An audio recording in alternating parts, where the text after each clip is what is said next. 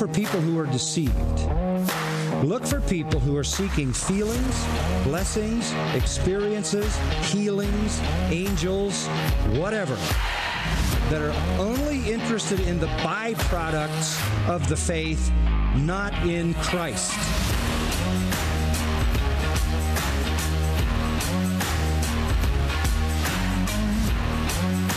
Come out from among them. Run for your life. Because this is about your life. It's not just about an opposing theology or a conflicting viewpoint on Jesus. This is about your life. Run from gospels that focus only on success and prosperity. Run. Run from churches where men and not Christ are glorified. Run. Run. Body of Christ, run. Get out. Run from churches where you're comfortable in your sins. Run from preachers that stand and tell stories and jokes. Run like you've never run before.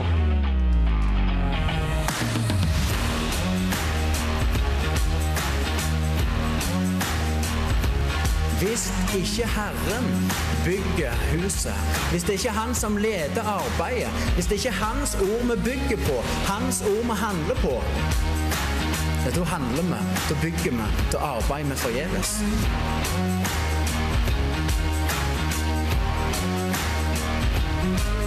Ok, velkommen. Velkommen til Reformerte lekmenn.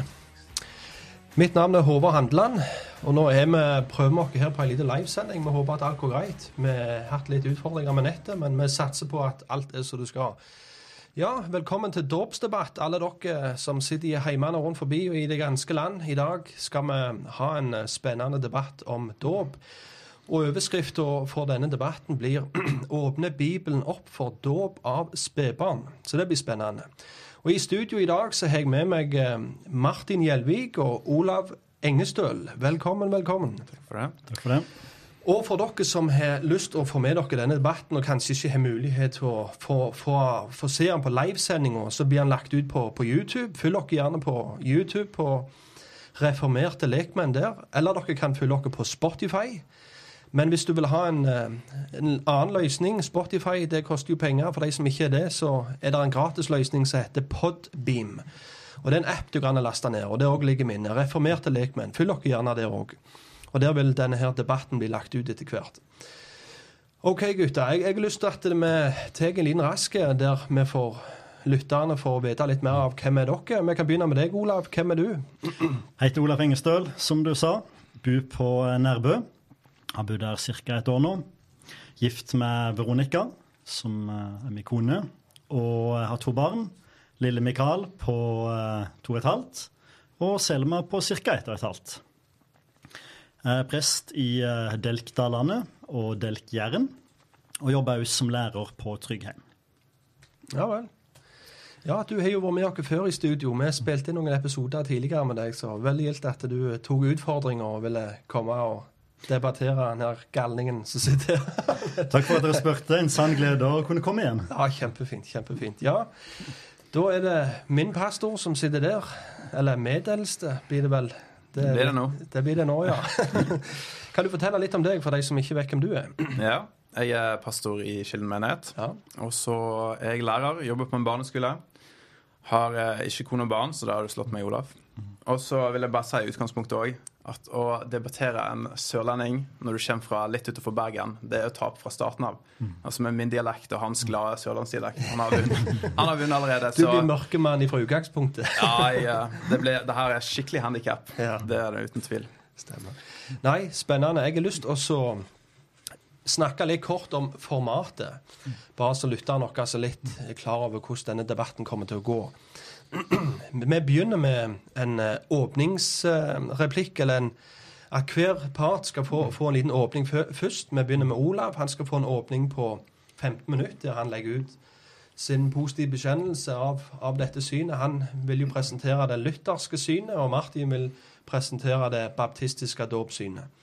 Um, han vil få som sagt 15 minutter på å, å legge det ut, en positiv bekjennelse av det, og etterfulgt av 10 minutter der Martin skal ha et du kan kalle det et avhør av Olav, der han får stille han spørsmål. Eh, og etterpå så kommer Martin med en hva skal du si, en, en, sin åpningsreplikk på 15 minutter, etterfulgt av at Olav krosseksaminerer, eller at han har et avhør, for å si det sånn, av, av Martin da på 10 minutter.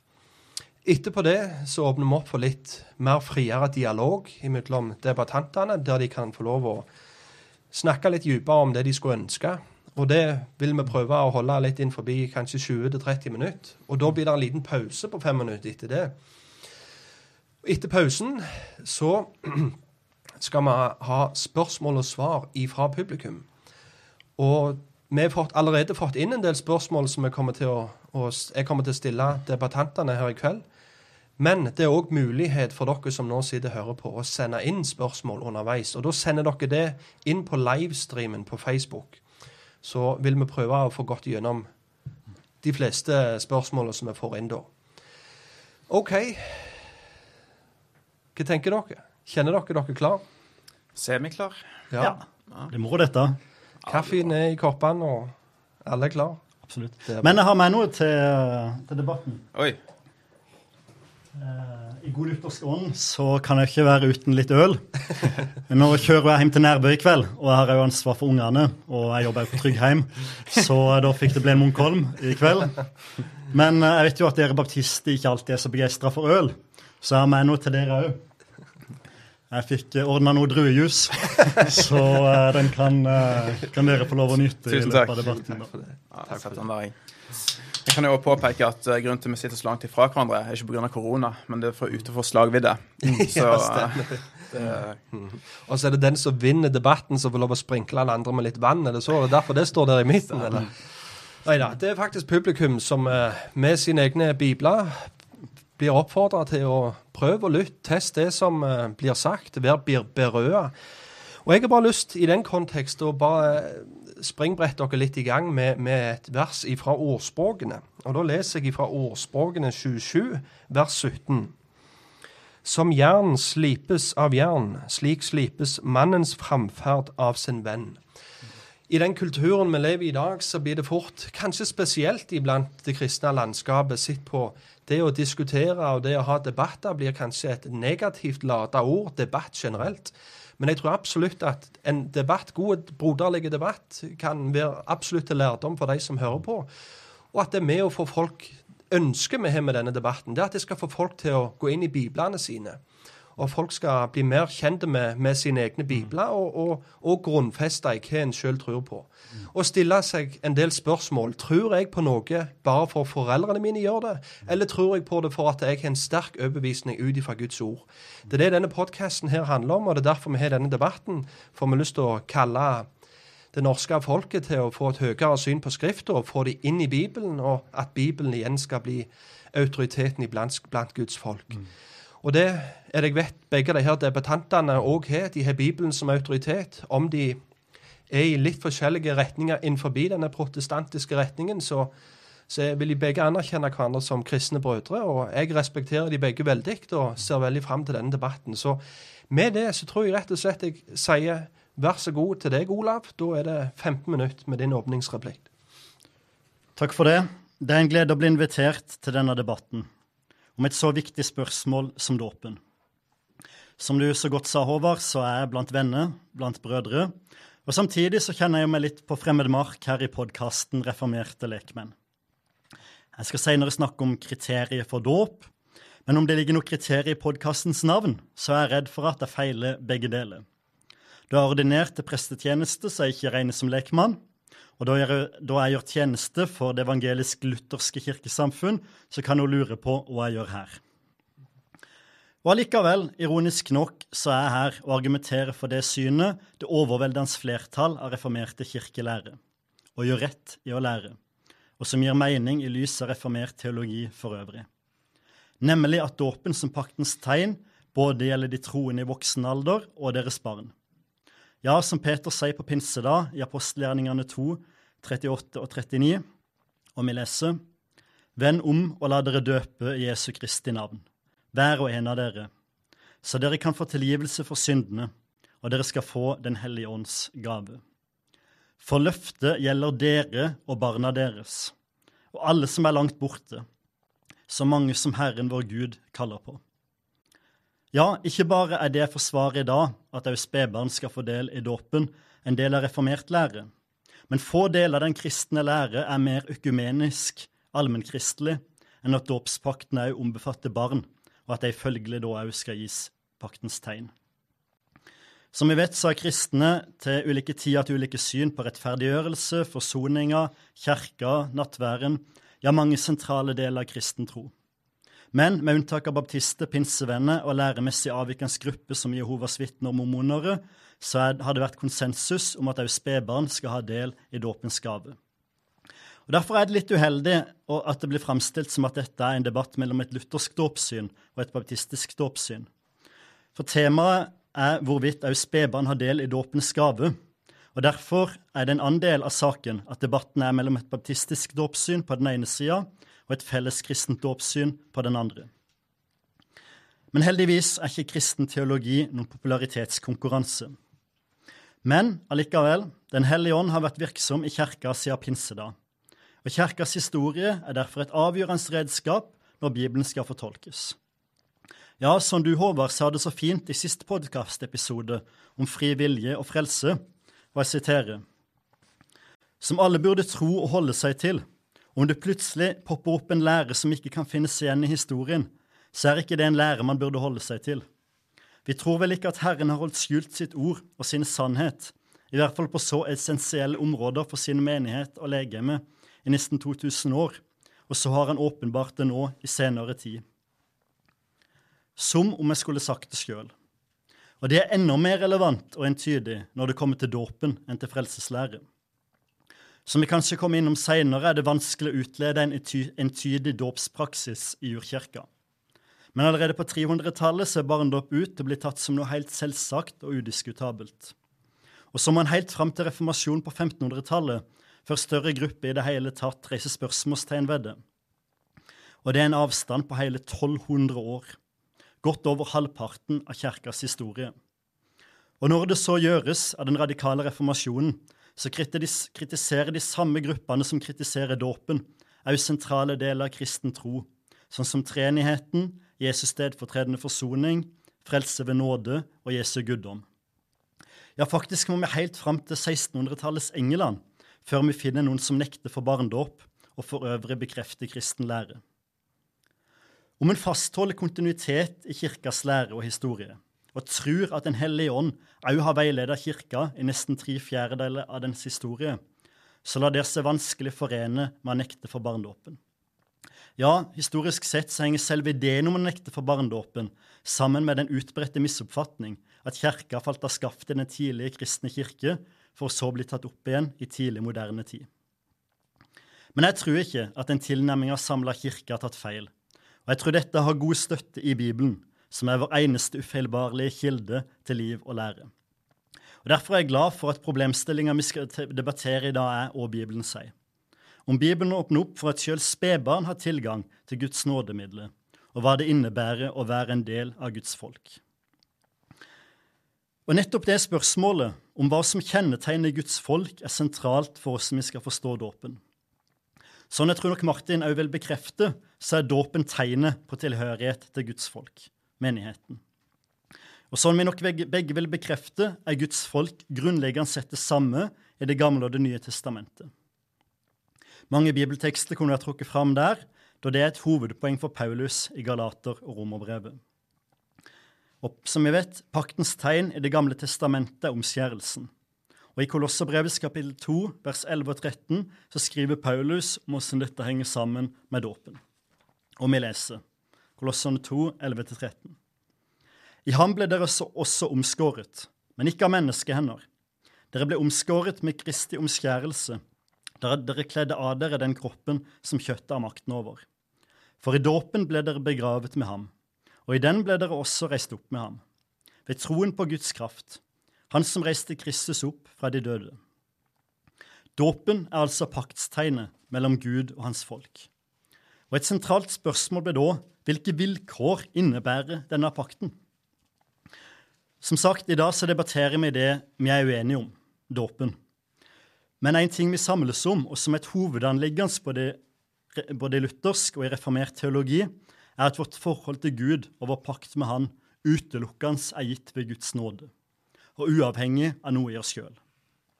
Mange vers fra Det nye testamentet kunne vært gitt her, men jeg vil tro lytterne til denne podkasten allerede kjenner godt til Efeson 1 og Romerne 9, som tydelig tar opp paktsteologien sånn vi finner den hos Paulus. Ja, som det står så utrolig treffende i Romerne 9,13. Og vi leser Så kommer det altså ikke an på den som vil eller anstrenger seg, men på Gud som viser nåde eller godhet. Og Paulus knytta han her i romerbrevet an til Abrahamspakten, som både i Det gamle og Det nye testamentet er grunnlaget for Guds forhold til sitt folk. I starten av Bibelen, i første Mosebok kapittel 15, så leser vi at Abraham sov når Gud stifta sin pakt med han. Vanlig paktsinngåelse er at det er mellom to likeverdige parter. Og der er Bibelen annerledes, da Guds nådespakt er en ensidig gave fra Gud til mennesket. Guds løfte og Guds pakt hviler ikke på oss. Og det er en rød tråd gjennom hele Bibelen og vårt grunnlag for trygghet og glede. Og jeg vil minne om selve primærdogmet og kjernen i tradisjonell reformert teologi. I Hebreabrevet så leser vi om hvordan denne pakten har blitt fullendt i Kristus og hans forsoning. Og I kapittel 8s utleggelse av forholdet mellom den gamle og den nye pakt så leser vi i vers 11 og 12. Og vi leser. For de skal alle kjenne meg, både store og, og små. For i nåde vil jeg tilgi all uretten deres, og ikke lenger huske syndene deres. Ja, Guds pakt med sitt folk, menigheten, har alltid vært vilkårsløs, ved nåden alene. Den avhenger ikke av vår vilje og innsats, vår inderlighet i bekjennelse og liv, eller sånn som vi diskuterer i dag, av alder, evne og vilje til å formulere bekjennelse og tro. Guds løfte og pakt hviler ikke på noe i oss, og derfor kan også spedbarn få del i han gjennom dåpen. Ja, som vi leste det så fint igjen i Romerne 9, så kommer det altså ikke an på den som vil eller anstrenger seg, men på Gud som viser nåde. Så til innvendinga. Dåp av spedbarn er ikke nevnt i Det nye testamentet.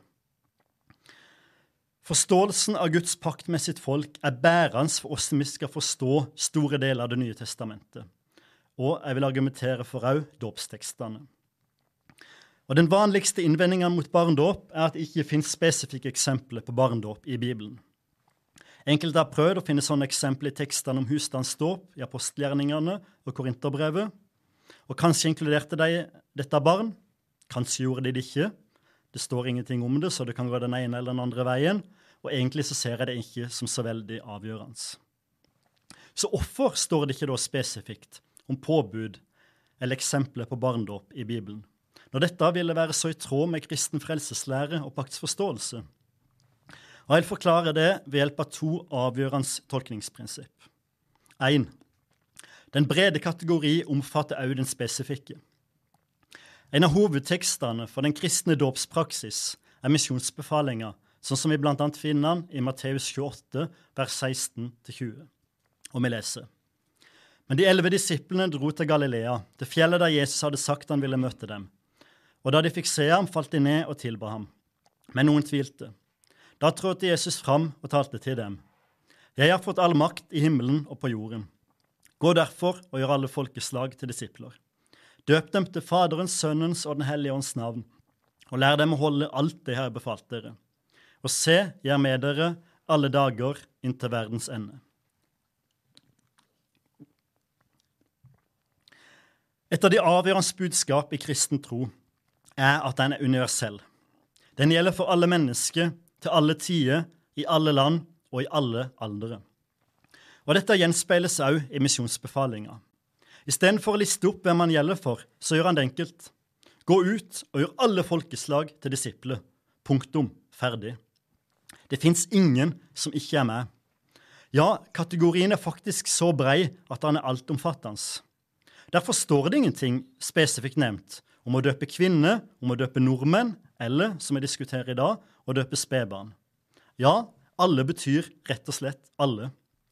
Spesifikk nevnelse trengs ikke, da det allerede er omfatta i den brede kategorien alle. Som en parallell til dette så finnes det heller ikke eksplisitte påbud eller eksempler i Bibelen på at kvinner mottar nattværen. Men etter det jeg vet, så er baptister her inkonsekvente i sine tolkningsprinsipper. Og jeg håper at òg Kilden gir kvinner nattvær, selv om det ikke står spesifikt i Bibelen. Og Dette leder oss til det neste tolkningsprinsippet. To. Det som er antatt som selvsagt, er ofte utelatt. Det er det uvanlige som blir skrevet om. Det står ikke et påbud om å òg gi kvinner nattvær. Og Det er fordi det blir antatt som selvsagt ut ifra resten av hva Bibelen lærer. Og ut ifra det jeg har lagt fram så langt, vil jeg argumentere for at det òg er tilfellet for dåpen, og at den òg inkluderer spedbarn. For det er noe selvsagt og lite spektakulært, står det heller ikke noe om. Legg i denne forbindelse merke til at det egentlig står heller lite om barneoppdragelse og familieliv for øvrig i apostlenes gjerninger, i stor kontrast til Det gamle testamentet, som har veldig mye å si om det. Sannsynligvis fordi barneoppdragelse og familieliv for øvrig ikke er tema i boka. Apostelgjerningene handler om utbredelsen av evangeliet til hedningfolkene, og derfor så fokuserer han på det. På den første generasjon kristne på deres stedene. Og da gjør det mening å ikke spesifikt ta opp hva som skjer med neste generasjon. Et eksempel på at det er det uvanlige som er verdt å skrive om, er de dåpshandlingene jeg sjøl har utført. Det at jeg som luthersk prest har utført noen barndåper, er neppe uventa.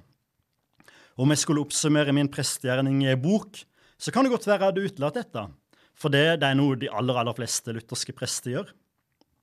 Derimot så ville jeg etter meg at jeg sjøl har døpt omtrent like mange voksne konvertitter fra islam som de har døpt spedbarn.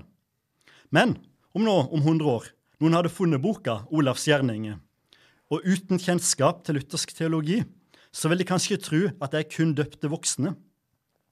Det selvsagte blir ofte utelatt. Det er det uvanlige som blir skrevet om. En annen kirkehistorisk parallell her er diskusjonen om Bibelens ufeilvarlighet og troverdighet. Også i vår tid så hevder de liberale med rette at læren om Bibelens ufeilbarlighet først ble formulert på 1800-tallet. Og Derfor later de som at kirka tidligere ikke hadde stått for dette. Men faktum er jo at kirka ikke hadde formulert dette tidligere fordi det ble tatt som selvsagt og ikke utfordra på samme måte som på 1800-tallet. Og Derfor er det heller ikke noe behov for å skrive om det, verken i de tidlige lutherske eller reformerte bekjennelsene. Og Det som er selvsagt, blir som regel utelatt. Det er det uvanlige som blir skrevet om. Så, for å oppsummere. Jeg kan forstå hvorfor pinsevendere og andre armenianere nekter for barnedåpen. Gud har gjort sitt, og du må bruke din frie vilje til å gjøre resten.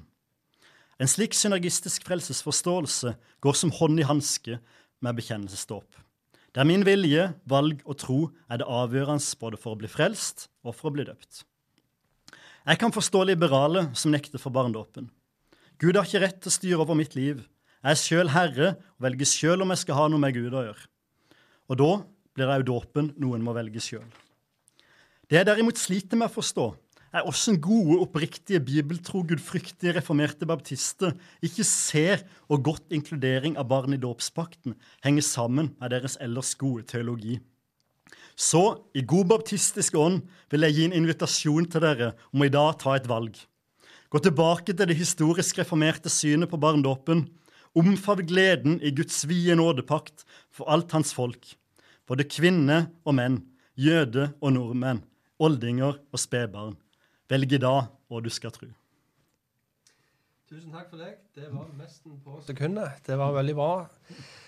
OK, da skal vi over til Martin, og da får Martin ti minutter til å crosseksaminere, eller ha et avhør av Olav. Og da begynner vi Er dere klare, teknikerne, til å nullstille? Ja, da begynner vi med det. Ja, mange ting uh, som vi tar opp med for å ta litt sånn hultete bulter her. Um, du nevner kirkehistorien, og som Håvard sa sist, at hvis noe blir dratt opp av hatten på 1500-tallet, så bør vi være veldig skeptiske til det. Mm. Uh, kjenner du til skriftene til Didaké, uh, Aristides apologi, Um, og Justin Martyrs eh, snakk om dåpen i det andre århundret. Første andre århundre. Jeg kjenner litt til Justin Martyr, lite til den andre, Didaké, Aristides. Didaké er nok det skriftet jeg kjenner best. Ja. I det her skriften som er fra, på 100-tallet, eller kanskje litt før 100-tallet på Didakia, eh, finner du noe som bekrefter spedbarnsdåp der? Ja, uh, blant annet så er det formuleringa 'hvis dåpskandidaten er i stand til å gjøre uh, de følgende tingene', så skal det skje. Og Derfor ser det ut til å være et forbehold, da.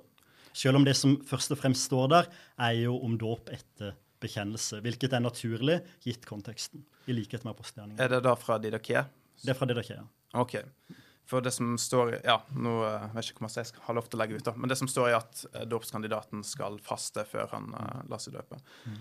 Kjenner du til debatten mellom Kurt Aland og Joakim Jeremias?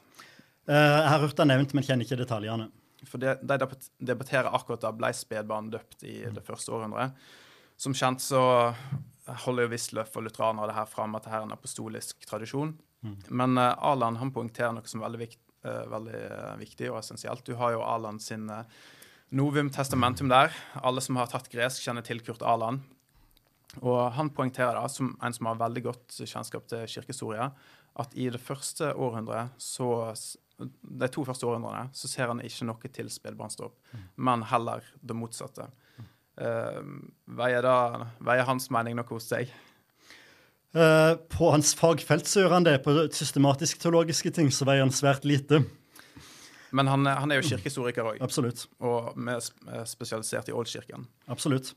Uh, ja, og det vil jeg jo si det er samme tilfelle på Misjonsmarka. Når han leser beretninger om Misjonsmarka, så leser han stort sett kun om voksendåpet der. Men Didaké er jo ikke skrevet hovedsakelig til misjoneringssituasjonen. Det er jo skrevet med tanke på hvordan menigheten oppfører seg, og hva som er riktig lære for menigheten. Ja. Det er klart, som du eh, var inne på, så varierer jo Didaké en del i, eh, i datering. Du sa kanskje før 200-tallet. Det vanligste ble datert ca. 125. 90 til 110, så Ja. ifølge den norske apostoliske fedreboken. Er gjerne med på en tidligere datering. Ja. Og jo tidligere datering er det, mer vil understreke poenget. At dette er til misjonsmenigheter, der det er det aktuelle å ta opp. OK, jeg vet ikke om jeg er enig med den, men greit. Um, du Fordi Ja, jeg tenker det her er viktig med kirkehistorie. Uh, så, så det er ofte sånn at en tenker at vi ikke har noen kort der som baptister, men jeg vil absolutt hevde det, men kanskje vi kommer tilbake igjen til det seinere. Eh, og så sa du at på, først på 1600-tallet er det en finne baptister som Nå husker ikke jeg om jeg fikk det helt med meg, som ikke fornekter treenigheten. Nei, som for øvrig bekrefter eh, kristen lære. Og jeg vet at uh, gjendøperne, som er et uheldig begrep, mellom mm. enige om, Mm. Ja, ja. de som ble omtalt som det, eh, noen av de var ortodokse uh, Ja. på de fleste punkt, men jevnt over så var det en, en rasjonalistisk tendens der en nekta for veldig store deler av kristen tro. Hva deler tenker du på da? Vel, treenigheten, livets to utganger, Um, det at kirka først og fremst skulle evangelisere framfor å starte politiske opptøyer og gjenløse Guds rike, mønsteropprøret som vi kjenner godt til. Ja, men De skiller seg vel litt ut uh, fra resten. Ja, det er jo et stort skifte etter mønsteropprøret, der en går fra å være militante til å bli pasifister. Mm. Jeg hørte bare Wisløff sin dogmeforelesning. Og Da sier han at de fleste døperne, som han respektfullt kaller det, da, eh, var, ikke, var fredelige folk. Ja, ja. Og, og det er klart, det er jo baptist... Eh, fikk jo et ufortjent dårlig rykte etter mønsteropprøret. Ja, Og bare at de døpte i seg sjøl, var jo en uh, Svingli torturerte jo en, eh, en av de første Kan, kan jeg få lov å si litt om det? Ja. Zürich. og jeg, jeg tar jo selvfølgelig avstand fra det reformatorene både på luthersk og eh, katolsk og eller ikke, katolsk og, eh, og reformert side gjorde. Samtidig så gir det mer mening å forstå det ut ifra en politisk kontekst enn en teologisk. For det når du nekta for barndåpen, så var ikke det kun et teologisk standpunkt, men du meldte deg ut fra staten. Ja. Og det er jo en påminner at statskirke kanskje ikke er det heldigste vi kan drive med. Ja, men så bra. Um, apropos litt uh, alvorligheten i det som eh, fra Luthers syn vil være en gjendåp. Hva tenker du om Confessi Confessia Augustana, som er ditt bekjennelsesskrift, en av dem, eh, som, der jeg siterer nå, i artikkel 9 om dåpen? De fordømmer gjendøperne som forkaster barnedåpen, og påstår at barna blir salige uten dåp. Kunne du kort forklart eh, hva ditt syn er på det her, og om en naturlig lesning av det, sånn som vi forstår det i dag, er en riktig forståelse av Confessi Augustana, eller om det er mer historiske ting som er knytt til det, som gjør at um, Jeg kan si litt om det, men kunne du gjenta hva som er den naturlige lesninga? For Ja, det å lese en- er da en utfordring. Ja, for det, en ville jo gjerne tenkt de fordømmer gjendøperne. OK, Mm. vi er fordømt. Mm. Jeg vet ikke om det er en anatimis... Ana, altså en forbannelseserklæring. Mm. Og i så fall er det da snakk om en spesifikk um, gruppe på den tiden, eller er det snakk om, som det står i den tyske oversettelsen, de som uh, ikke lærer barnedåp eller annet sånt. Mm. Jeg har Concord i boken her, hvis, eh, ja, hvis du vil ha Ja. helt Jeg kan si litt om det, så kan du si om jeg svarer på det. Ja. For det første så tenker jeg Augustana må si i konteksten at dette er de lutherske kirkenes egentlig politiske framlegg for keiseren. Uh, Charles 5. er det vel. Uh, og derfor så er jo et anliggende å vise at vi står nærmere den katolske kirke, og tar derfor avstand fra, fra de mer radikale elementene. Eh, han har en svært sterk polemisk tone. Luther er vesentlig verre. Eh, jeg kommer ikke til å formulere meg sånn i dag, jeg kan love det. Uh, verken i ord eller gjerning. Eh, men det er klart, det er jo Den polemiske tonen er svært tøff. Eh, og anatomisering eh, altså det, det er jo det som er den latinske gjengivelsen altså fra Galaterbrevet med 'fordømt'. Mm. Eh, jeg vil se på Batiste som mine brødre. eh, absolutt. Eh, når det kommer til at eh, de nekter for frelse ved dåpen, så vil jeg fastholde det, da, men det er kanskje noe vi snakker om seinere. Ja, Men vil du da si at uh, du ikke er enig med Augustane i den fordømmelsen? Uh, jeg er jo enig med Augustane at det er feil, Ja. uh, men eh, jeg ville nok brukt litt andre ord for å uttrykke samme teologiske standpunkt hvis jeg skulle skrevet det sjøl. Ja, ja, men jeg forstår. Det er min oppfatning av fleste lutheranere i dag. Eh, og som eh, det er jo ikke så bundet til deres uh, konfesjoner som katolikker gjerne er til sin dogmehistorie. Men eh, bare oppklaring rundt det punktet der, da. Ehm, du nevnte òg Understreker en del det her med at vi er frelst av Guds nåde. Uh, skal vi se hvor lang tid er igjen. To minutter igjen. Um, hvorfor snakker en da både i Augustana uh, og andre plasser om dåpens nødvendighet. Altså, du kommer til tru, og i dag så er det ofte sånn at uh, fra mitt perspektiv da, dåpen enten kommer lenge før troen, med spedbarnsdåp, eller lenge etter troen. Eh, men hvorfor er det sånn at eh, dåpen er nødvendig, som Augustan sier som uh, vanlig luthersk teologi, dersom det er ved tro alene og en Guds suverene inngripen? Eh, dette er jo virkelig kjerneforskjellen mellom reformert teologi og eh, Eller egentlig moderne reformert teologi, som vi kanskje kommer inn på, inn på litt seinere, og luthersk teologi. For det, eh, i reformert teologi så er det en tendens til å tenke på Guds nåde og utvelgelse mer i det abstrakte, eh, eventuelt i omvendelsesopplevelsen. Som lutheraner så tenker vi at Guds nåde blir konkretisert gjennom ordet og sakramentene. Eh, og da er det jo gjennom dåpen og, og nattværen. Så jeg vil jo si at Guds nåde blir effektuert gjennom dåpen. Det var litt interessant når jeg var på eh, Reformerte lekemenn sist, så ble jeg spurt om min omvendelsesopplevelse, nærmest. Og Som lutheraner vil jeg ha litt reservasjoner mot det, for det, det er liksom ikke det bærende. Altså, Min opplevelse er ikke, er ikke det bærende, det er de, de eksterne midler som Gud gir seg del i sin nåde. Men uh, for å sette, litt, sette litt mer på spissen uh, En mann kommer til tru på lørdag. Og Han lar seg ikke døpe før på neste lørdag. Er han da i den perioden ikke frelst? Ja. Eh, en nokså tradisjonell formulering er at dåpen eh, kan eh, Nei, troen kan stå uten dåp, men ikke dåpen uten tro. Og Det er jo spesifisert i senere lutherske bekjennelse. Ok, Så du vil si at han er frelst ved troen alene? Han er frelst Altså, ved nåden han- alene, Ja. og troen er jo resultatet av det. da. Mm. Før han er døpt? Ja. Så dåpen er ikke nødvendig? Eh, hvis han hadde nekta å døpe, så tenker jeg det er en indikasjon på at han ikke var frelst. Men ok, hvis vi bruker et annet begrep, rettferdiggjort. Er han rettferdiggjort i det han kommer til tro? Altså Han er rettferdiggjort i kraft av det Kristus døde for han, men effektueringa er jo ved tro, da.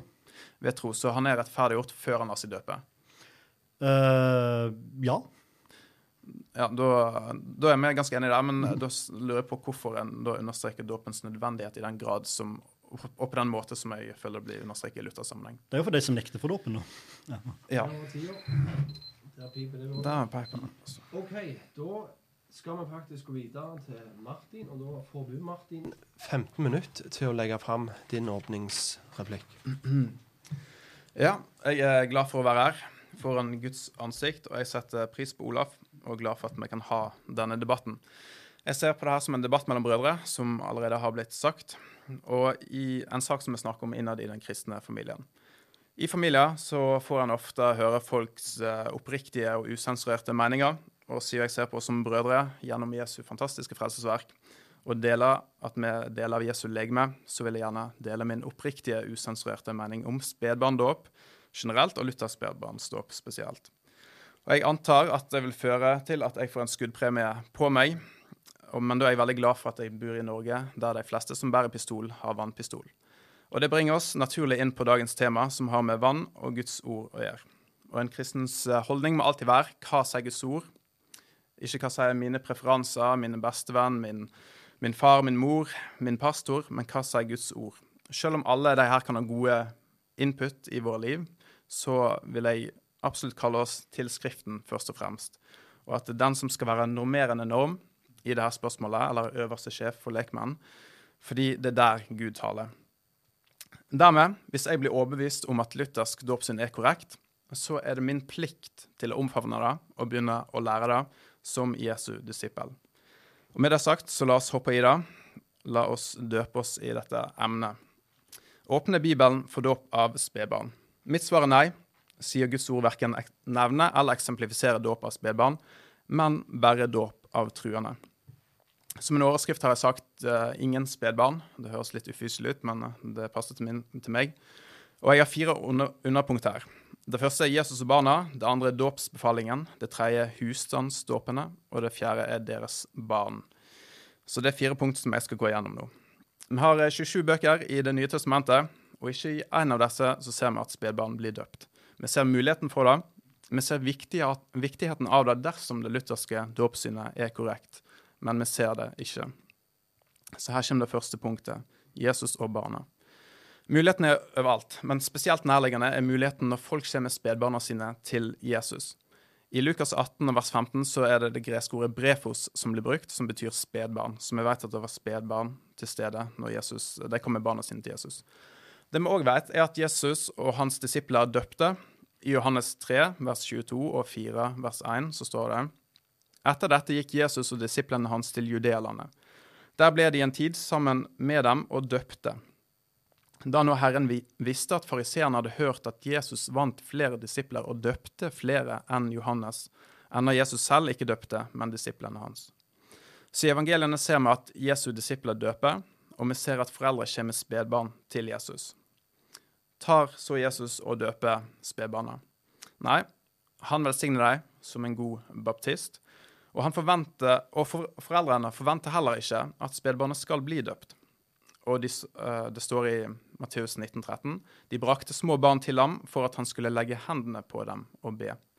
Så for, foreldrene forventer ikke dåp. Ei heller ga Jesus barna dåp, selv om Jesus døpte flere enn Johannes, altså Jesu disipler.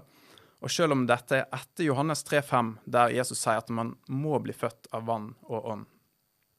Det er naturlig at vi ikke ser dåp av spedbarn i evangeliene, for i evangeliene ser vi at det er folk som omvender seg og bekjennes i synd, som lar seg døpe. Som på pinsedag i apostelgjerningen 2. Og I Markus 1,5 så står det og hele Judea-landet og alle Jerusalem dro ut til ham, det er Johannes døperen, og de ble døpt av ham i elven Jordan idet de bekjente sine synder. Dette vil utelukke spedbarn som ikke har de kognitive fakulteter til å verken omvende seg eller bekjenne synd. Derfor er det òg naturlig at Jesus ikke døper dem, men legge hendene på dem og velsigne dem. Så i dette tilfellet med Jesus og spedbarna, der en skulle tro at det var en ypperlig anledning til å understreke viktigheten og herligheten med dåpen, så ser vi ingenting til det.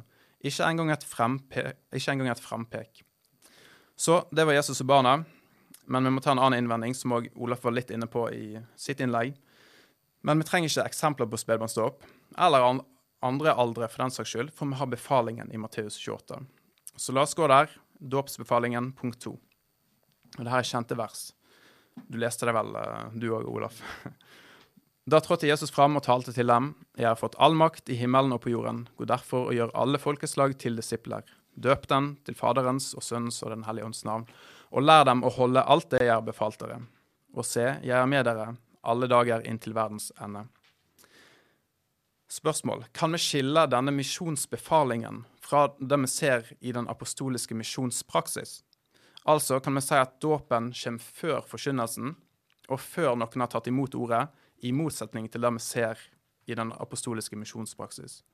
Jeg vil hevde at eh, vi ser praksisen av Matteus 28 på pinsedag, der Peter sier 'venn om og la dere døpe', i apostelgjerningene 2, 38. Og så står det like etterpå i vers 41 de som tok imot budskapet hans, ble døpt. Dermed så ser vi at det er de som tok imot ordet, de som omvender seg, og de som påkaller Herrens navn, det er de som lar seg døpe. Dette er rett praksis av Matteus 28. Teolog Daniel Doriani, som selv er presbyterianer og han døper da spedbarn, han sier angående teksten i Matteus 28 Jesus har uten tvil omvendelse av voksne i tanke. Teksten er altså ikke ifølge Doriani skrevet med spedbarn i tankene. Og tenk på det. Apostlene har vært med, de har sett Johannes døpe. De har vært med Jesus og døpt sjøl. De døpte de som omvendte seg, og som trodde. Skal de nå starte en helt ny praksis uten at det har blitt påpekt? Skal de døpe uavhengig av manifestert tru? I så fall skal de døpe alle folkeslag uavhengig av tru, eller bare spedbarn? Eller òg barn og tenåringer? Hvorfor skille ut spedbarna ifra Matteus 28? Matteus 28 er ikke en spedbarndåpsbefaling. Hvis en skal døpe spedbarn uavhengig av tru, men ikke unge og voksne, blir det ikke da to dåper i Luthers teologi? En dåp som frelser vantro spedbarn, og en annen dåp som ikke har evne til det når de vantro er av moden alder.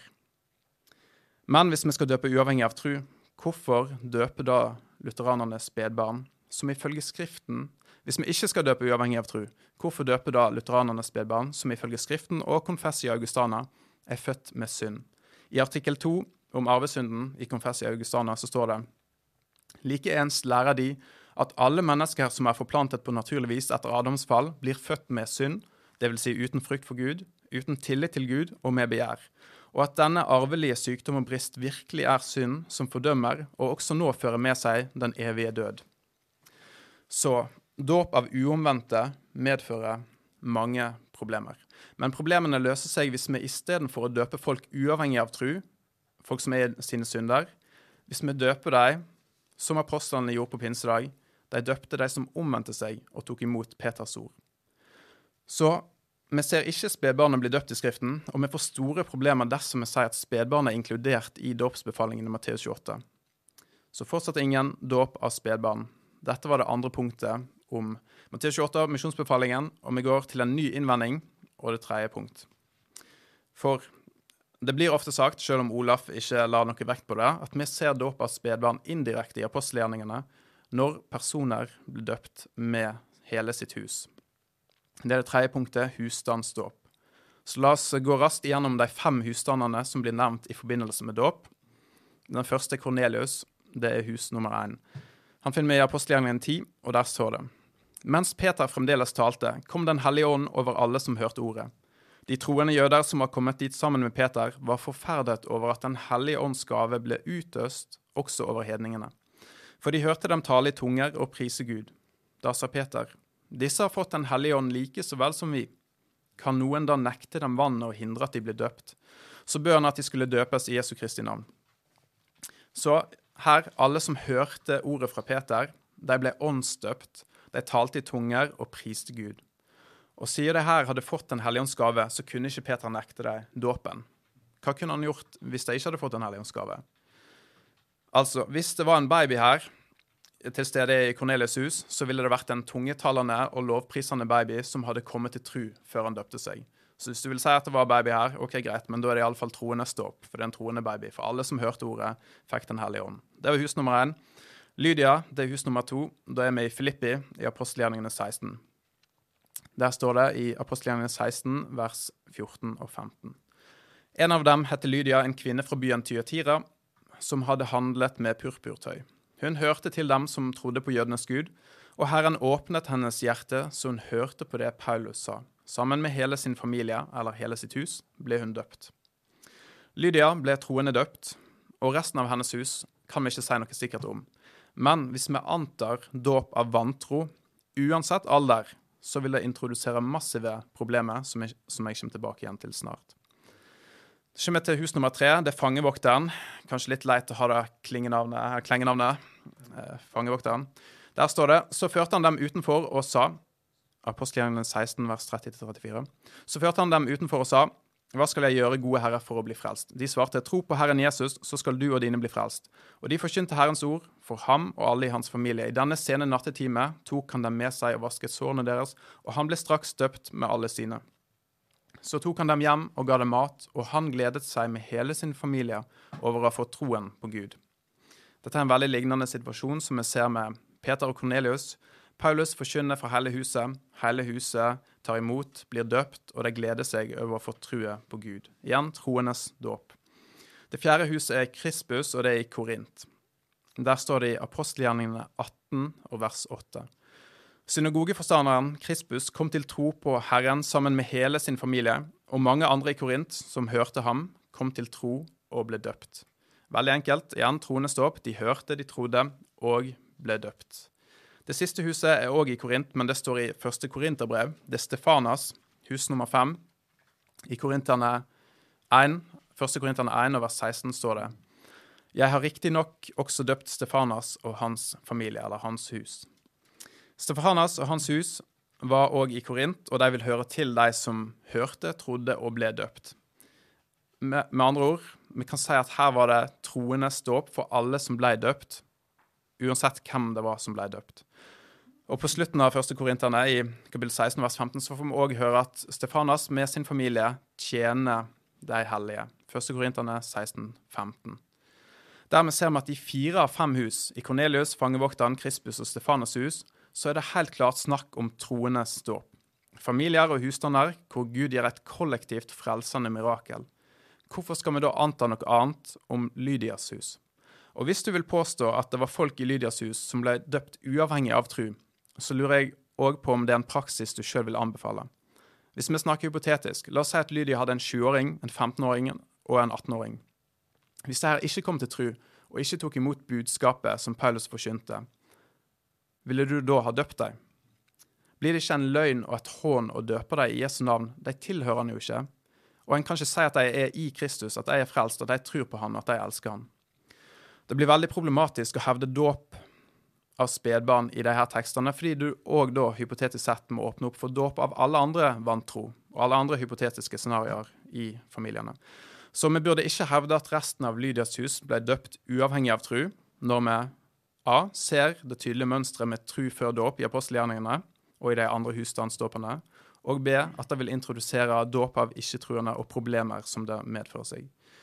Så til det fjerde og siste punktet. Hvor lang tid har jeg igjen nå? Litt mer enn. OK. Eh, det fjerde deres barn. Som en siste tekst under punktet 'ingen spedbarn', så vil jeg gå til en tekst mange tenker på, i apostelgjengene 2, vers 38 og 39. Peter svarte dem, Vend om og la dere døpe Jesu Kristi navn, hver og en av dere, så dere kan få tilgivelse for syndene, og dere skal få Den hellige ånds gave. For løftet gjelder dere og barna deres og alle som er langt borte, så mange som Herren vår Gud kaller på. Her står det jo at løftet gjelder barna. Løftet, vil si løftet om Den hellige ånd. Så hvorfor skal vi ikke gi dem dåpen? Vel, det står òg at løftet gjelder alle de som var langt borte. Skal en automatisk døpe alle som er langt borte fra Jerusalem? Teksten blir klar når vi ser på hvem som Peter nevner her. Han nevner de som hører på der i Jerusalem, han nevner deres barn, han nevner de som er langt borte. Skal en døpe de som er i Jerusalem, uavhengig av tru? Nei. Skal en døpe, de, døpe alle barn uavhengig av tru? Nei. Skal man døpe alle de som er langt borte, uavhengig av tro? Nei. Men det vi gjør, er at vi døper de som Herren kaller til seg, og som tar imot evangeliet. Som det sto, så mange som Herren vår Gud kaller på. Og rett etterpå, i vers 41, de som tok imot Hans ord, ble døpt. Så min konklusjon er at vi har sett at vi verken ser eksempler av spedbarnsdåp eller befalinger om å døpe spedbarn. I stedet for så ser vi at Guds ord taler tydelig om dåp av de som vil omvende seg og ta imot evangeliet. Dette vil utelukke spedbarn fra dåpen, noe som ikke betyr at de utelukker fra frelsen, men det blir en annen sak.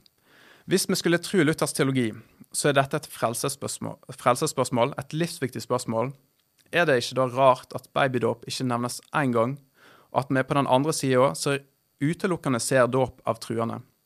Jeg ønsker å være bibelsk, jeg ønsker å kunne si det samme, uh, samme som Peter. Omvend dere og la dere døpe.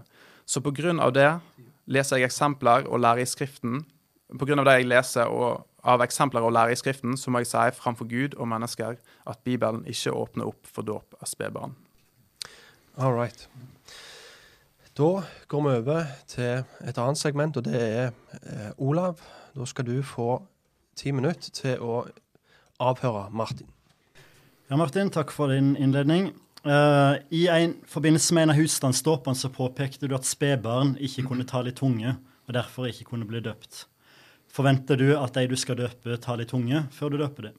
Nei, men poenget mitt der var at uh, alle som hørte Peters ord, fikk Den hellige ånd og talte i tunger og priste Gud.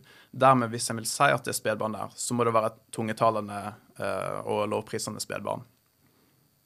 Mm, ok. Hvis du ser på teksten i apostelgjerningen 10, så står det at alle som hørte ordet Mens Peter ennå talte disse ord, falt Den hellige ånd på alle dem som hørte ordet. Og så står det at uh, Den hellige ånds gave var blitt utøst over hedningene, for de hørte dem tale med tunger og opphøye Gud. Og derfor, på bakgrunn av det, sier Peter, kan vi nekte dem vannet nå, når de har fått Den hellige ånd, akkurat sånn som vi.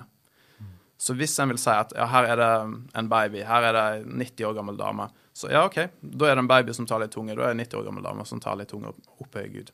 Det er bare mitt poeng. Ikke at du må gjøre det her for å bli frelst, men det som står i teksten, er at alle som hørte ordet, fikk Den hellige ånds gave. Og så står det om dem at de talte i tunge og priste Hvorfor er ikke det et kriterium når du bruker de andre tingene som nevnes som et kriterium? Eh, det er ikke et kriterium, for det er ikke et kriterium som jeg ser i Skriften. Men akkurat i denne teksten så ser vi at det er folk som gjør det. Dermed så blir det tro, troende ståp uansett. Så det er bare poenget her. Ok, og på noe litt annet. Tror du på treenigheten? Yes. Tror du på den konkrete nikenske formuleringa av treenigheten? Eh, det tror jeg, ja. Hvor finner du den i Bibelen? Den finner jeg spredd uh, rundt om i Bibelen. Ikke akkurat formuleringen, men uh, innholdet i formuleringen. Ok, Men det er ikke tilfellet for uh, spedbarnsdåp? Spedbarnsdåp finner jeg ikke læren om i Skriften, mens læren om treenigheten er veldig tydelig i Skriften. Gjør du kvinne nattverd? Ja, Hvor finner du bibelsk grunnlag for det? det finner jeg fordi at hele menigheten skal minnes Jesu døde oppstandelse for oss, som var for kvinner og menn. Dermed så blir ikke eksempelet som du ga tidligere, med at eh, kvinner ikke blir nevnt eksplisitt, vil si at vi utelukker Jo, de blir nevnt fordi at det er en del av menigheten. Det er ikke mann og kvinne. Det er en del av menigheten. De skal ha en del i minnesmåltidet, som eh, står i 1. Korinterne 11. Hvorfor kan ikke det samme sies at barn er en del av menigheten? Barn kan være en del av menigheten. Mm. Absolutt. Men for ikke del er det menighetens gave innebærer. Det, det som jeg hevder, er jo at dåpen ikke gir deg del i frelsen. Jeg sier at det er frelsen som gir deg del i dåpen. Eller det kan òg være tilfelle at dåpen er din påkallelse og din frelse. Eh, som gjør at jeg ikke har problemer med Nikenum eller uh, Første Peters brev. Men eh, hva vil du spørre om igjen? Vi kan bare gå videre. Okay. OK. I Nikenum, som en samla kristenhet bekjenner, finner vi formuleringa 'en dåp til syndenes forlatelse'. Ja. Tror du det? Jeg tror det, men jeg vet ikke om jeg tror det på den måten som Nikenium-forfatterne trodde det. Og tror du, og på hvilken måte tror du det? Jeg tror det på den måten som Peter sier, at han sier at det som nå frelser oss, er dåpen. Og så er han eh, veldig rask til å si hva dåpen er. Så I første Peters brev, kapittel 3, vi kan lese det verset. Og eh, første Peter 3, og vers 21. Det som også nå frelser oss i sitt motbilde, dåpen. Den er ikke en avleggelse av kjøttets urenhet, men en god samvittighetspakt med Gud ved Jesu Kristi oppstandelse. Så det Peter snakker om der, tror jeg er akkurat det samme som skjer på pinsedag. De som ville ta imot Jesus, de som ville ta imot frelsen, de hadde akkurat henrettet han. De hadde akkurat uh, drept Messias, men nå innså de at han var Messias. Og de som ville identifisere seg med han, ta imot han, de ble nedsenka som han døde, men de sto òg opp igjen, sånn som han sto opp igjen. Så det er en enorm bekjennelse. Og det tror jeg de gjorde i sin dåp. Det var i deres dåp de bekjente det. Det var i deres dåp de omvendte seg og bekjente sine synder. Er det noe fra Markus- første Peters brevteksten eh, i seg sjøl som skulle tilsi at det skal forstå symbolsk og ikke konkret? Nei, men jeg sier jo akkurat nå at eh, det skal forstås konkret. Så Fordi- dåpen renser for synd. Dåpen renser for synd hvis den er et uttrykk for omvendelsen og trua. På samme måte som bekjennelsen og påkallelsen av Herren og andre ting som i Skriften sies å frelse oss. Den som tror av hjertet og den som bekjenner med sin munn, eh, han skal bli frelst. Eksempel Romane 10.9. Jeg siterte Håvard fra sist podkast om at en lærer mangler kirkehistorie er mest sannsynlig gal. Er du enig i den påstanden? Ehm, jeg tror jeg kan se meg enig med den. Mm. Eh, Hvordan vil du tenke det knytter seg til dåpen? Det knytter seg til dåpen med det som jeg nevnte litt til deg, at uh, de tre skriftene som nevner noe om det her i det andre århundret, hvis vi tar Didaké i det andre århundret, de nevner bare det som er troendes dåp. Og Aristides i sin apologi rundt år 140 så skriver, så skriver han at uh, når barna av de troende sjøl kommer til tru, så blir de regna som fullverdige uh, medlemmer av menigheten. Så her er det et eksempel på at det her handler ikke om misjonssituasjonen, som du sa i stad, men det her handler om hvordan skal en oppføre seg i menigheten blant de som er troende. Aristides apologi stiller tro som krav, og han sier at barna ikke ble døpt som, uh, som babyer, men at de, når de kom til tro, så ble de regna som fullverdige medlemmer av uh, menigheten. Så, og Vi kunne gått videre, og Den første som nevner spedbarnsdåp, er jo Tertulian. og Han argumenterer imot det på år 200, år 200 cirka. Er dermed det store flertallet av dåpshandling mellom ca. 325 og 1500 ugyldige? Uh, ut fra et baptistisk syn, så ja. Mm. Så mesteparten av kirkas historie hadde ikke blitt utført gyldig dåp? Ja, det, det er ca. 1000 år. Hvordan kan vi da stole på at Den hellige ånd er med kirka nå, når han ikke har vært med det mesteparten av historien? Uh, vi kan stole på det, for dette er ikke et uh, essensielt spørsmål med tanke på frelse. Mm. Så kirka kan ta feil på mange punkt som jeg tror du vil være enig i over, tusen, over 1000 år. Uh, så jeg tror ikke du vil være enig av opp, opphøyelsen av Maria, f.eks. Men det har blitt lært òg i over 1000 år. I ikke nødvendigvis like stor grad, men det har jo tatt av. Ikke med samme konsensus og en helt annen utvikling. Mm. Men når konsensus er som den var, at for å være en del av staten, så måtte du bli døpt, så er det ikke så unaturlig at Og når du i tillegg blir drept og, eller forfulgt for å ha et annet oppsyn, så er det ikke så veldig rart at en ser stort sett bare ett oppsyn i denne mørke middelalder. Ja, nå kan vi kanskje snakke om seinere om mørket han egentlig var, og hvordan vi ser kontinuitet. Um, en vanlig innvending er at et lite barn kan ikke tro. Er du enig i den formuleringa? Nei. Nei. Godt. Eh, på bakgrunn av Johannes døperen, som var fylt av Den hellige ånds fra, mor, fra, mors liv. Men det som jeg vil si, da, som kanskje kan uh, spice opp debatten, det er at uh, et spedbarn kan ikke tro sånn som tro blir beskrevet i de fleste plassene i Det nye testamentet. Tro er noe som er kognitivt. Du hører noe, du tar imot det, du fester din tillit til noe. Du, Hebreerne 11 er jo et veldig godt eksempel. At vi tror Som se, Hebreerne 11 vers 1 og vers 6. Tro er full tillit til det en håper på. Og i vers 6.: eh, Men uten tro er det umulig å være til behag for Gud. For den som kommer til Gud, må tro at han er til, at han er den som belønner dem som søker ham. Mm. Tro blir alltid uttrykt eh, når den blir beskrevet. Den blir uttrykt eh, Og Johannes døperen, som var fylt av Den hellige ånds fra, fra mors liv Den gr grunnen til vi vet det, er jo eh, at han eh, jubla i mors mage når eh, Maria kom med Jesus. Så den trua ble òg uttrykt. Vil du uh, døpe en person som er stum? Uh, det kan jeg gjøre. Ja, Hvorfor det? Hvis han uttrykker trua på Jesus, så at han tror på han, så Men det kan ikke et barn gjøre?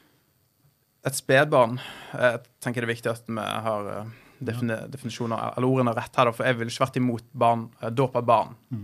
Men om jeg har en sønn på to og et halvt år, hvis jeg mm. spør, hadde spurt han i en baptistmenighet mm. vil du bli døpt, og han hadde svart ja, Mener ja. du han da kunne blitt døpt? I teorien kunne han blitt det, men jeg ville jo sagt at det er foreldrenes eh, ansvar ja. å bestemme når de ser at det er en bevisst og, og moden tro. Men hvis jeg da hadde kommet med min sønn Mikael til deg, to og et mm. halvt år, hadde spurt, han vil bli døpt, han har svart ja, ville du da døpt han? Jeg ville nok hatt en samtale sant, før uh, vi gjorde noe. Så Også, samtale er jo en kriterium for å bli døpt? Uh, ja, men det er for å Situasjonen med barn blir annerledes enn hvis det er noen som omvender seg på gata eller hvor enn en er, på misjonsmarken. Fordi at med barn så de vil naturligvis eh, herme etter foreldrene. Og kanskje det er ekte, og kanskje det er ikke ekte. Det vil vise seg, og det vil jo òg en lutheraner være enig i. Som, er ikke det et kjempeproblem for uh, baptister at en skal prøve andres tro for å se om de uh, kan rettferdiggjøre seg til dåpen? Uh, nei, fordi at akkurat det vi ser Johannes døperen gjør, og det er akkurat det vi ser i Skriften at det blir gjort. Så Johannes døperen han nekter fariseerne å, å få dåpen fordi at de først må omvende seg. Og så er det selvfølgelig en, med barn så er det, Du skal ikke være kritisk, og sant? en skal tro på en, deres bekjennelse. Men det er òg noe med at uh, det blir noe jo, jo mer de modnes, jo mer eget blir det. Så min anbefaling ville vært å ikke døpe en toåring, men jeg vil ikke nekte deg det hvis du hadde insistert på det. Ok, da kan vi stoppe med det. Kjempebra. OK. Det var livlig og veldig gildt å høre på dere begge to. Eh, nå skal vi gå over i et, et nytt segment, og det segmentet blir litt mer frie dialog. Så da er det i grunnen dere som styrer litt ordet, og dere kan bestemme sjøl hvor dere vil gå hen. Men jeg kan være jeg kom skyte inn med noen spørsmål litt av og til. OK, da setter vi i gang. Det blir ca. 20-30 minutter. Og Etter det så kommer det en liten pause på ca. 5 minutter. Og jeg vil bare minne på igjen til dere som lytter på, send inn spørsmål underveis, så vil de bli stilt etter det neste segmentet som kommer etter pausen. Så bare send inn spørsmål på live-feeden. Live OK, da setter vi i gang. Vær så god. Jeg tenkte jeg ville spørre deg et spørsmål, for jeg har gjort et poeng av dette med reformert teologi osv. Mm. Hvordan er det å stå i en, en reformert tradisjon der de toneangivende teologene har stått for barndåp og sjøl ikke gjør det? Vel, de toneangivende teologene så I vår menighet så blir Luther sitert mer enn Calvin. Mm. Um, og de som har vært toneangivende for oss, er jo mer moderne forkynnere, iallfall for meg personlig, som uh, Paul Washer. Og så har han folk som uh, den moderne misjonsfar, William Kerry, på 1700-tallet, baptist. Vi har uh, Adoniram Judson, som var òg misjonær til Asia. Hudson Taylor, Kina-misjonæren. Baptister. Charles Hedden Spurgeon, mm. mm. baptist. Så når vi ser på det, så jeg ser ikke det som et stort poeng akkurat hva Calvin trodde, eller Luther trodde, men jeg vil jo prøve det de sier mot Skriften, som alle andre. Mm. Så ikke, jeg følger ikke Calvin eller, eh, eller, Luther, selv om jeg eh, setter veldig pris på masse av det de kommer med. Ja, jeg tenker jo de, de, tidligste du nevnte nå, er jo tidlig 1800-tallet, slutten av 700-tallet. Det tidligste jeg nevnte? Ja, som du nevnte nå. 1700-tallet med William mm. Carey. ja. Men, uh, men, jeg kunne jo nevnt uh, Balthazar Hubmeier, som ble drept for sin tro. Sånn som uh, Svingli først ble han torturert i Zürich, og så gikk han videre til neste by, og der ble han drept fordi han hadde tronestå. Jeg mm. kunne nevnt han 1527, tror jeg. Han ble mm. drept. Så med en gang det åpnes opp, og den katolske hånden på en måte, de mister makten, så ser jeg nå at troneståoppsynet kommer fram. Mm. Og um, en kunne jo òg sagt angående en klar rettferdiggjørelseslære, mm. så kan en òg snakke om de tusen årene og si hvor var den. Ja. det vil jeg gjerne si litt om. Eh, det er en av mine kjepphester. Ja, okay, ja, Dette med, med, kontinuitet i, i frelseslære mm. gjennom uh, middelalderen. For som uh, dere helt riktig og veldig bra har trukket fram på podkasten her, så har jo Augustin vært svært toneangivende for åssen evangelisk og mm. reformert kristendom har forstått frelseslæren. Uh, og Etter hans død så var det en stor debatt i middelalderkirka som kulminerer i Orange konsil, som egentlig fordømmer semipelagianisme eller, eller synergisme. Og det ser en at da En monergistisk frelseslære blir det eneste som er lov å tro mm. etter et par hundre år. Uh, en anbefaling òg er uh, kjent kirkehistoriker fra Princeton, uh, Carl Truman. Mm. en av de tingene han har fokusert på i det siste, er å vise kontinuiteten gjennom middelalderteologien på de fleste spørsmål. Mm. Og en av de han holdt fram, var um, um, kjent um, reformert teolog og kirkehistoriker Heiko Obermann, som uh, viser at selv erkebiskopet på 1200-tallet egentlig fremmer det som senere ble um, reformert og luthersk lære om predestinasjon, mer eller mm. mindre. Så dermed så, så, er jo ikke det bildet riktig, da. At det faller skaft, og så blir det plukket ja, igjen. Men iallfall det er kjempeinteressant det du sier. da. Jeg, jeg, kan ikke masse om det, men det vi lærer på teologistudio, sant, det er iallfall at det var veldig utydelig. Du har Peter, Abel, eh, Peter Abelard og de objektive, subjektive forsoningslære og den tredje som ikke kommer på. Der det iallfall blir framstilt som om det her ikke er noe Men det her blir jo et litt annet tema igjen, da. Men, eh, men, jeg vil gjerne følge opp på den, for, for ja. der er jeg jo enig, og der må protestanter sjøl ta, ta skylda, og òg reformatorene, som framstiller middelalderen som en mørk periode. Mm. Eh, men utviklinga innenfor både reformert og luthersk kirkehistorie er jo å, å betone kontinuiteten mer enn bruddet, da. Ja, eh, ok, Interessant. Jeg må se mer på det. Men vi har jo splittelsen mellom uh, Vestkirken og Østkirken. og Det virker som det er masse rot der. Og du ser på pavene hvor uh, korrupt det er. Så er det jo ikke Jeg tror ikke det er uten grunn at jeg kalte det Og de hadde god kjennskap. Det vet jo du vel som meg, at de kjente veldig godt i kirkehistorien. Når man ser både til Genéve og Wittenberg, så er det ikke alt mulig å gå for der heller. Nei, det er helt sant. Et eh, spørsmål til deg, Ja. hvis du er klar. Um, du nevnte det her med Guds suverenitet i frelsen. Og du liksom, hvorfor vil ikke vi når vi understreker Guds eh, suverenitet i frelsen? Men hvorfor eh, vil du godta at presten sammen med foreldrene kan bestemme når Gud skal frelse et individ, hvis Gud er suveren? Blir det ikke å ta den makten ut av Guds hånd og si at nå er det vi som har den makten, gjennom det beste nådemiddelet og sakramentet som finnes? For du kan ikke gjøre det med ord eller nattverden, regner jeg med du vil eh, tenke. Så, så eh, presten sammen med foreldrene bestemmer dåpsdatoen. I dåpen blir babyen frelst. Ergo presten og foreldrene bestemmer datoen for babyens frelse. Det kommer jo litt an på dette, eh, litt tilbake til dette med at vi tror at Gud òg har forordna midlene til frelse. Eh, Og der er nok òg en av forskjellene, selv om eh, som lutheraner bekrefter predestinasjonslæren og tenker Concordia-formen fungerer- formulerer den godt, så ser vi mer predestinasjon av, av enderesultatet, da. Så det er mer bevaring da enn eh, enn inngangstidspunktet. For vi tror jo på frafallets mulighet. Ja, ja, men allikevel. Det er jo, gjenfødelsen skjer i dåpen. Mm. Gjenfølelsen er et verk. Hvordan kan du harmonere det med at Den hellige ånd blåser slik han vil, Johannes 3, og at det er foreldrene og presten som bestemmer når babyen skal bli frelst? For den forordner òg at presten og foreldrene skal bestemme dåpsdatoen. Og det er jo et syn som Baving skriver en del om. som jeg skal anbefale okay, ja, men okay, jeg, skjønner. En film hos de tidligere kalvinistiske teologer. Ja. Men hvordan kan du si at en kan døpe vant, en vantro baby, en ikke-troende, og den blir frelst? Men hvis vi døper vantro voksne, hva tenker du da? Ja, en kan jo tilnærme seg det på ulike måter. Eh, jeg vil jo ta avstand fra tvangsdåp, som dessverre har eh, blitt praktisert i historien. Ja, hvorfor? Og Hvis det det, er frelse. det er jo fordi det ikke knytter seg til de løftene som ligger i dåpen. eh, som jeg tenker innebefatter spedbarn, og som legges fram i misjonsbefalinga. Hvorfor innbefatter misjonsbefalingen sped, vantro spedbarn, men ikke vantro ungdom og voksne? Uh, for det vantro eh, voksne og ungdommer vil motsette seg resten av det som står der. Men forskjellen er jo bare mm, kraften den lille eh, klumpen har i forhold til den store klumpen. Så hadde det lille spedbarnet som er født med ryggen mot Gud, som typisk luthersk eh, og er helt enig i da, den, hvis den kunne, så ville jo den da skreke mer enn den gjør, og stått imot. Ja, Han skriker nokså mye som det. skal jeg. Har hatt barndåp.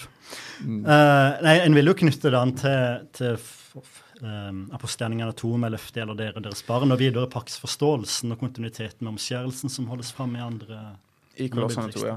Men eh, jeg syns fortsatt ikke du gir en konsekvent, eh, et konsekvent dåpssyn, da. Det er et, en dåp som gjelder for babyer, som ikke gjelder for eh, kognitivt funksjonelle.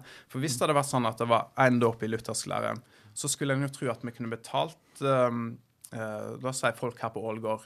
Vi betaler dem 1000 kroner hvis de er med på et eksperiment der vi døper dem, sånn at det ikke er motvilje fra deres side. Penger, da- får en god vilje. Og så døper vi dem i Faderens, Sønns og Den hellige ånds navn. Og så ser vi hva som skjer, om de blir gjenfødt der. Om de eh, forandrer livene sine, om de begynner å gå i menighet. Kunne ikke det vært et eh, eksperiment som en med hvis, du har ett, hvis det er ett Luthers dåpssyn, kunne ikke vi da prøvd det? Vi da? har for så vidt apostelgjerningene som har vært et eksempel når det kommer til å kjøpe Den hellige ånds gave, Ja. som ikke er så veldig positivt. Ja, ikke sant? Jeg er helt enig i det, men ut ifra et luthersk dåpssyn så skulle en jo tro at en ville bruke alle midler mulig for å få folk til dåpen. Fordi at i dåpen, der er det en Det er jo et annet spørsmål òg, men der er, skjer det iallfall gjenfødelse. uh, som regel. Så hvorfor ikke bruke alle mulige lokkemidler til å få deg til dåpen? Uh, og det er klart det har vært mye misbruk av, eh, av barndåpen, og er det fortsatt i dag. Men det er klart i, i historiske liturgier så understrekes det jo at en både døper de og forplikter seg til å lære de, sånn som det står i misjonsbefalinga. Ja. Uh, og jeg vil jo ikke døpe noen med mindre foreldrene går med på resten av pakka òg, fordi de to henger sammen. Både Ja. dåp, opplæring og disippelskap. Mm. Og Derfor tenker jeg det er problematisk at dåpen har blitt en ren tradisjonsgjerning som Ja. ikke forplikter. Dermed vil jo vi være enige. Men igjen så vil jeg si er en konsekvent og luthersk, eller har en to dåpssyn i, i den lutherske lære. Der det er ett, en dåp som frelser de eh, vantro spedbarn. Der, men den dåpen gjør det ikke for de som er vantro når de er ungdom eller voksen. Og det er noe som jeg i hvert fall vil se som en inkonsekvens, eventuelt eh, bare avsløre at den dåpen ikke virker sånn som den, det sier at den gjør. Så ja. En, en annen ting òg som eh, som du nevnte Jeg vet ikke hvor mye uh, kirkehistorie skal vi gå litt tilbake igjen eh, der. Alltid klar for kirkehistorie. For hvis det lutherske dåpssynet er rett mm. Ok, nå er to ting. Etterpå må jeg spørre deg om katolsk dåpssyn. Men hvis det lutherske dåpssynet er rett, er det ikke da rart at det ikke står noe om dåp av spedbarn, og ingen forsvarer det før år 250, når um, Cyprian av eh, Kartago jeg Det er ikke Cyprian, tror jeg, men av Kartago, en eh, fyr av Kartago, forsvarer det her. Uh, er det ikke rart at du må til år 253 før en får den liturgien, der, eller den eh, på en måte befalingen at vi skal døpe spedbarn? Som, som sagt så tenker jeg en kan finne spor av det annet i, i Didache, men som jeg sa, Eh, Normen for ikke spor av det i Didache. Du- I beste fall så er det en uh, vill antakelse. Mm. At du leser noe inn som ikke står der. Du finner ikke spor av det. Men det er jo som jeg sier, at, at anliggende i den første kirke var, var utbredelsen, og da er det jo naturlig at en skriver om det. Det samme vil en jo finne når en forteller om misjonsmarka. Så er det jo at uh, 14 voksne har kommet til å tro ikke at de døpte barna sine. For det er noe en tar for gitt. Ja, samtidig så Aristides eh, apologi, så snakker jo han om kirkesituasjonen. Og didaké er jo læren, apostlenes lære til menigheten. Det er ikke eksklusivt til misjonsmarkmenigheten. Med, med unntak av Jerusalem så var jo hele kirka i misjonsmark på det tidspunkt. Ja. Uh, eller ikke på didaké-tidspunktet, men uh, daterer den til 90-tallet, Uh, Paulus holdt på på 50-60-tallet. Ja. Ja. Da har jo Romerriket Men Cyprian og Kartago, det var han, ja. Cyprian og Kartago, som i dag er Tunisia. Eh, så jeg vil påpeke da at faktisk troende ståp har kirkehistorien på sin side eh, fram til år eh, 200 og utover, der en ser, og det som det virker som, er at nøddåp er måten spedbarnsdåpen blir introdusert på. For en ser på gravstøtter og sånt fra denne tida at eh, her var det ei jente som ble døpt når hun var tre, her er det en som ble døpt når hun er to. Og så ser en at eh, det ble ikke døpt som babyer, men det ble døpt like før de døde. Apropos det. Um, en uheldig ting, spesielt i, i reformert teologi, ikke, ikke egentlig reformert teologi som sådan, men mer radikale grupper, er jo å tegne dette bildet av den perfekte, enhetlige urkirka. Ja, den er ikke jeg på. Nei, nei, og det, ja. det er jeg veldig glad for. Uh, Ja. For både når den går til dåp, når den går til frelseslære, når den går til forsoning og kirkesyn, så er jo bredden i urkirka vesentlig større enn bredden i kirka i dag. Ja. Og et utbredt syn, uh, og det kan nok også henge sammen med dette, er jo at dåpen kun frelser fra gjerninger som er utført før dåpen.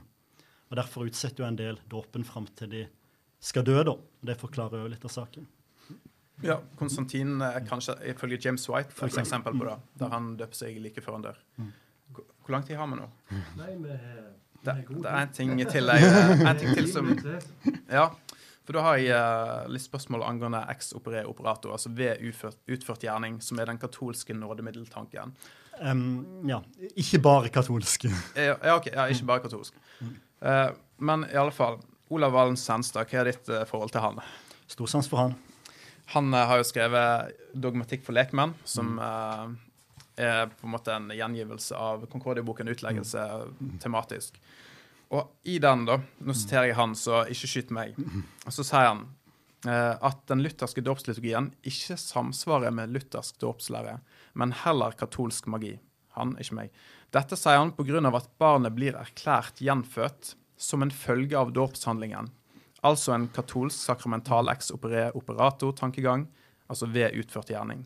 Så Olav Vallen Senstad vil heller ha en dåpsliturgi som ikke fastslår noe om dåpens virkning, men som eh, snakker om løftene i dåpen fra luthersk eh, ståsted, da, men ikke sier at nå har barnet blitt et Guds barn, eller at eh, nå er det liksom frelst og sånt.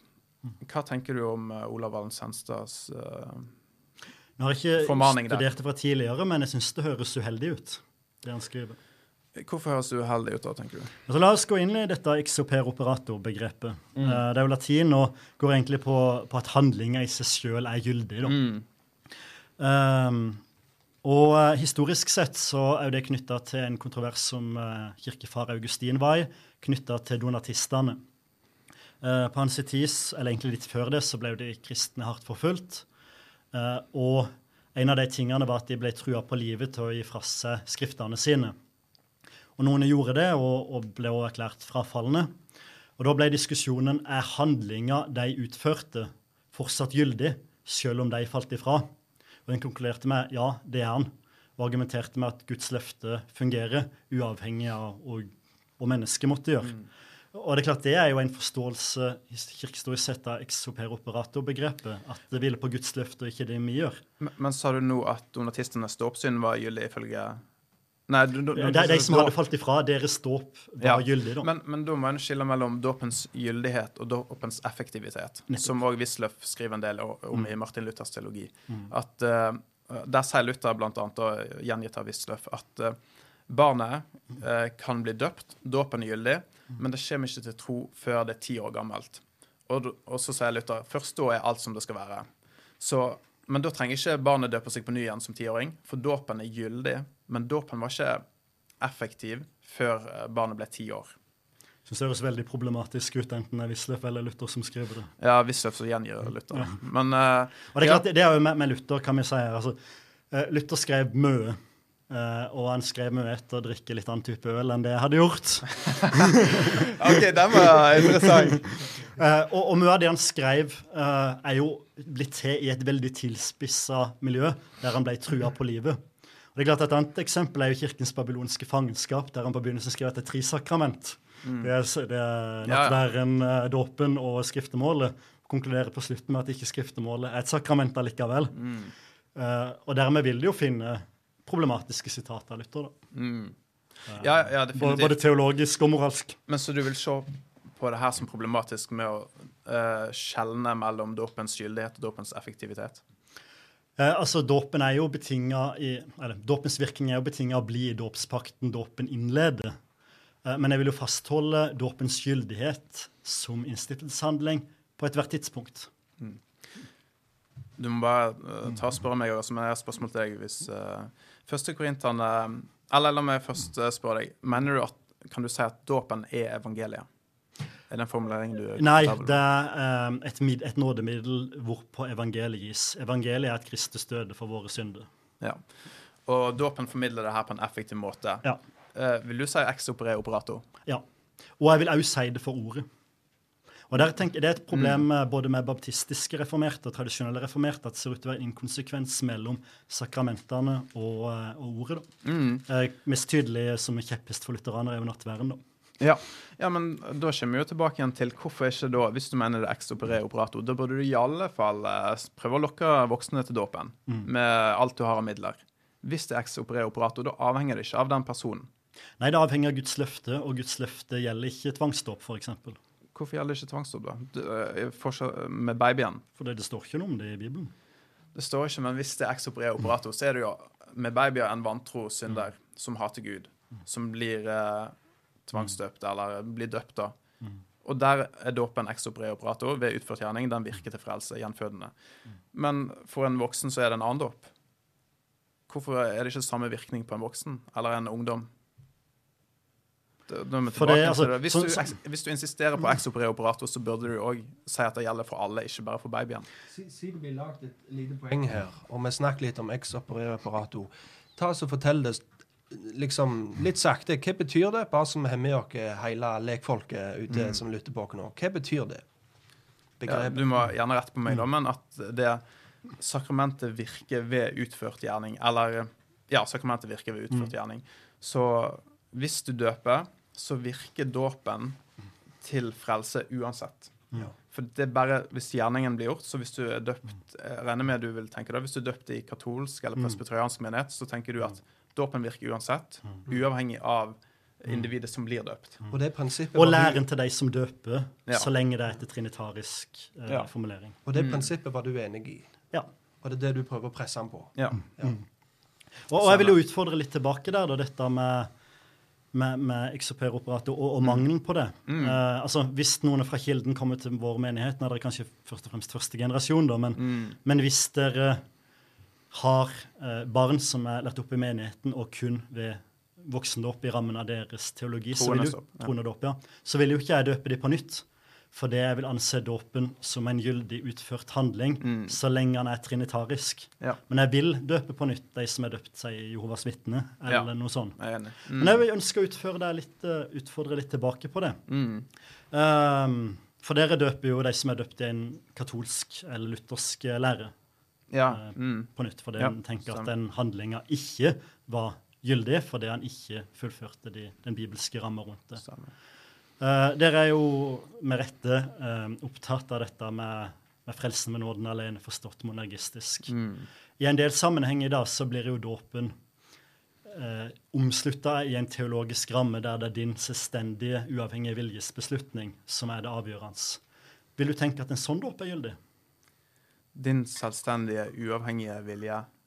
Altså, Du har nå valgt å ta imot Guds tilbud til alle. Mm. Uh, og det symboliserer vi med at du nå døpes. Du, du, eller sånn som en av og til kan finne formuleringer. Mm. 'Jeg døper meg selv', eller Å ja, OK. jeg, Jeg døper døper meg selv. Den har ikke Men ja, den har ikke jeg hørt. Men Altså en, en, sannsynligvis en helt annen teologisk ramme enn det dere står for. OK. Jeg vil jo ikke tenke at jeg vil tenke at ofte så er det troende som blir døpt. Mm. Eller uh, i Bibelen så mener jeg at vi ser ofte at eh, den frelsende truen blir uttrykt i dåpen. Mm. Så det blir på en måte det som en i dag sier eh, De som ønsker å ta imot Jesus, kom fram eller rekk opp hånda. Mm. Men uh, hadde det vært bibelske, så skulle jeg sagt Kom, så la meg Kom, så døp, døp deg. Eller la oss døpe deg. oss døpe deg. Ehm, ja, så um, Men jeg tenker òg at hvis en, en tror, så skal en la seg døpe. Og um, det tenker ikke at Jeg tenker at da er det fordi at Guds ånd har virka i deg, at du vil gjøre det. Så det er en eh, kompatibel greie mellom Guds uh, inngripen i ditt liv og din vilje til å følge Jesus og gjøre det som han har sagt. Men sånn som med, med Jehovas vitner, da. Når de døper en voksen og ikke døper en trinitarisk, da vil dere òg døpe vedkommende på nytt? Ja, jeg ville gjort det. Ja. For det er en falsk religion ut fra mitt eh, ståsted. Så dermed så vil eh, det være naturlig å døpe etter en kommer til tru. For den trua som har vært før der, har ikke vært ekte. Men ikke altså pga. den troa som har vært der, ikke pga. dåpsliturgien, altså om de er Ja. døpt i Jesu navn. Mm. Kun det. Det er en falsk uh, tankebygning. Eller, ja. Så dermed så vil jeg døpt eh, etter omvendelse, etter å komme til sann tro. Men hvor mye sann teologi må kirkesamfunnet stå for når det kommer til dåpen, for at dåpen skal være gyldig? Um, jeg tenker hvis det er brødre, hvis en er innenfor eh, det som blir ansett som, ehm, som kristen, kristen, eh, ei kristen kirke, så er det eh, legitimt. Altså, så sant ikke spedbarnsdåp, da, fordi at den ser jo ikke med på som legitim. Men altså, det er dessverre ikke bare lutheranere som har mange liberale blant oss. Etter hvert er jo baptister. Mm. Altså Liberale baptistpastorer som nekter for Jesu guddom, som nekter for Ja, eh, det vil være ei falsk kirke. ja. Så da vil du døpe deg på nytt, da? Selv om de er døpt Vi- med et trinitarisk jeg- tronedåp? Ja, jeg vil si at hvis de, hvis de sjøl er overbevist om at de ikke var frelst når de ble døpt For du kan jo ha folk som er frelst, men de er i falske kirker. Og så når de vokser i modenhet, så går de ut fra de kirkesamfunnene. Og så hvis den personen da tenker at nei, jeg var faktisk uh, døpt fra før av, så vil jeg uh, ikke eh, latt uh, sagt at nå må du døpe deg igjen. Selv om du har gjort det i rammen av en gal teologi? Ja. Så for, for der er jo, som du sier, formelen har noe å si. Eh, og hvis den personen eh, var i et en falsk kirke, men hans hjerte var rett overfor Gud, og så lot seg døpe, så vil jeg si at det er en uh, troende ståp, en rett dåp, Uh, selv om uh, menigheten som han var del av, var liberal eller falsk. Men er det ikke litt utfordrende at Guds løfte til oss gjennom dåpen avhenger av at vi har det rett når det kommer til liv og lære? Um, jeg vil jo tenke annerledes om her, utgangspunktet. Jeg vil si at det er Den hellige ånd som virker på deg, sånn at du lar deg døpe. Så utgangspunktet blir helt annerledes. Dermed så er det ikke eh, avhengig av oss på den måten. Det er hans inngripen i mitt liv som gjør at jeg har lyst til å ta imot det som Peter sier, omvend deg og la deg døpe. Som uh, Men vil du være enig med donatistene? I, uh, du må Al ikke altså de som hadde, først og fremst i livet, da, falt ifra troen og viste at de, sånn som de så det, ikke var ekte kristne. Ville du sagt at deres dåp var gyldig?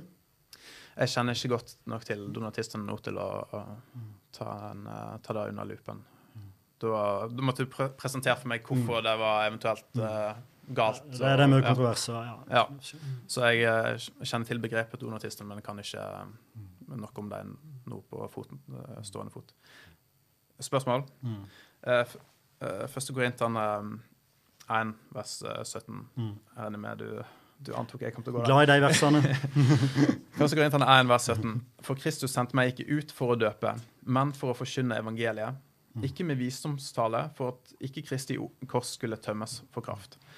Så Paulus sier, etter min forstand, eh, Kristus sendte meg ikke ut for å døpe, altså som om at det var den primære hensikten, men for å forkynne, for forkynnelsen av ordet leder til frelse.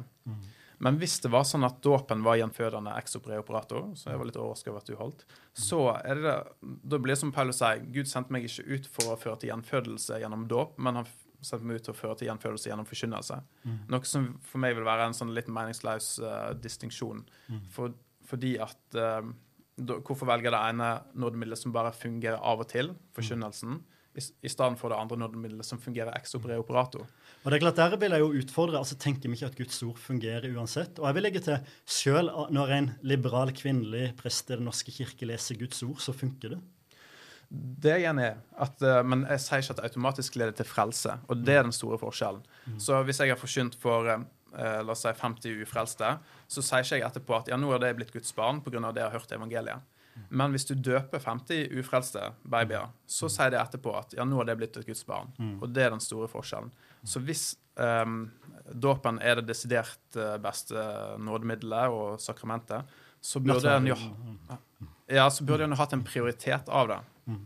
Og mens Paulus her sier at eh, jeg er her for å forkynne evangeliet. Det er evangeliet som er Guds kraft til frelse for den som tror. Det er ikke dåpen. Da ville jeg ha forkynt dåpen og lagt vekt på den. Men det er ordet om korset som leder til omvendelse og til frelse.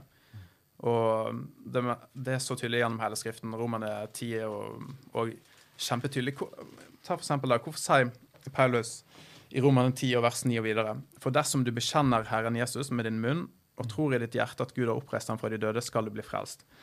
Og så snakker han videre om hjertetroen til rettferdighet osv. For hver den som påkaller Herrens navn, skal bli frelst. Hvordan kan de påkalle ham som de ikke er kommet til tro på? Og hvordan kan de komme til tro på ham om de ikke har hørt om ham? Jo, ved dåpen. Det sier han ikke, men det ville vært veldig naturlig hvis det er så essensielt, hvis det er et frelsesspørsmål, så hvorfor sier han aldri gjennom sine brev at jo, det er ved dåpen som virker ex opere operator at du blir frelst, men det er alltid knytta til troen, til omvendelsen, til påkallelsen. Det, det tenker jeg er et stort ubesvart spørsmål uh, ut fra luthersk-katolsk syn. da. Kanskje jeg skal si litt om det. Ja. Vi kan ta Korinterbrevsteksten først. Så uh, tenker jeg at det er en typisk paulinsk hyperbel. Altså at Paulus sier ofte det at uh, to ting er gode, men den ene er som ingenting sammenlignet med den andre. Ja, ja. Sant? Når uh, Paulus rett etterpå sier 'jeg vil ikke vite noe av den enn Jesus Kristus har han korsfestet', så mener han ikke at alle prekenene skal handle om korsfestelsen, men han mener at det er kjernen i det vi tror. da. Ja. Uh, angående romerbrevsteksten, så, så er det jo sånn det fungerer når vi reiser til misjonsland òg. Først så forkynner vi jorda, og så etter hvert så kommer dåpen. Men han lærer jo romermenigheten. Han sier ikke at på misjonsmarken så skal du gjøre sånn, men han lærer jo romermenigheten i Romerne 1, Romerne 3 og 4. Du blir rettferdiggjort ved tro. Og da syns jeg det er veldig rart at hvis han plutselig skal si at men dåpen du må, Eller hvorfor han ikke sier dåpen, husk dåpen, døp barnet deres, for gjennom det blir det gjenfødt. Det er Klart Romerbrevet regner vel med, hvis du husker riktig, at ble planta på en av Paulus sine misjonsreiser. Romerbrevet, den har ikke Paulus vært. Nei, nei, nei.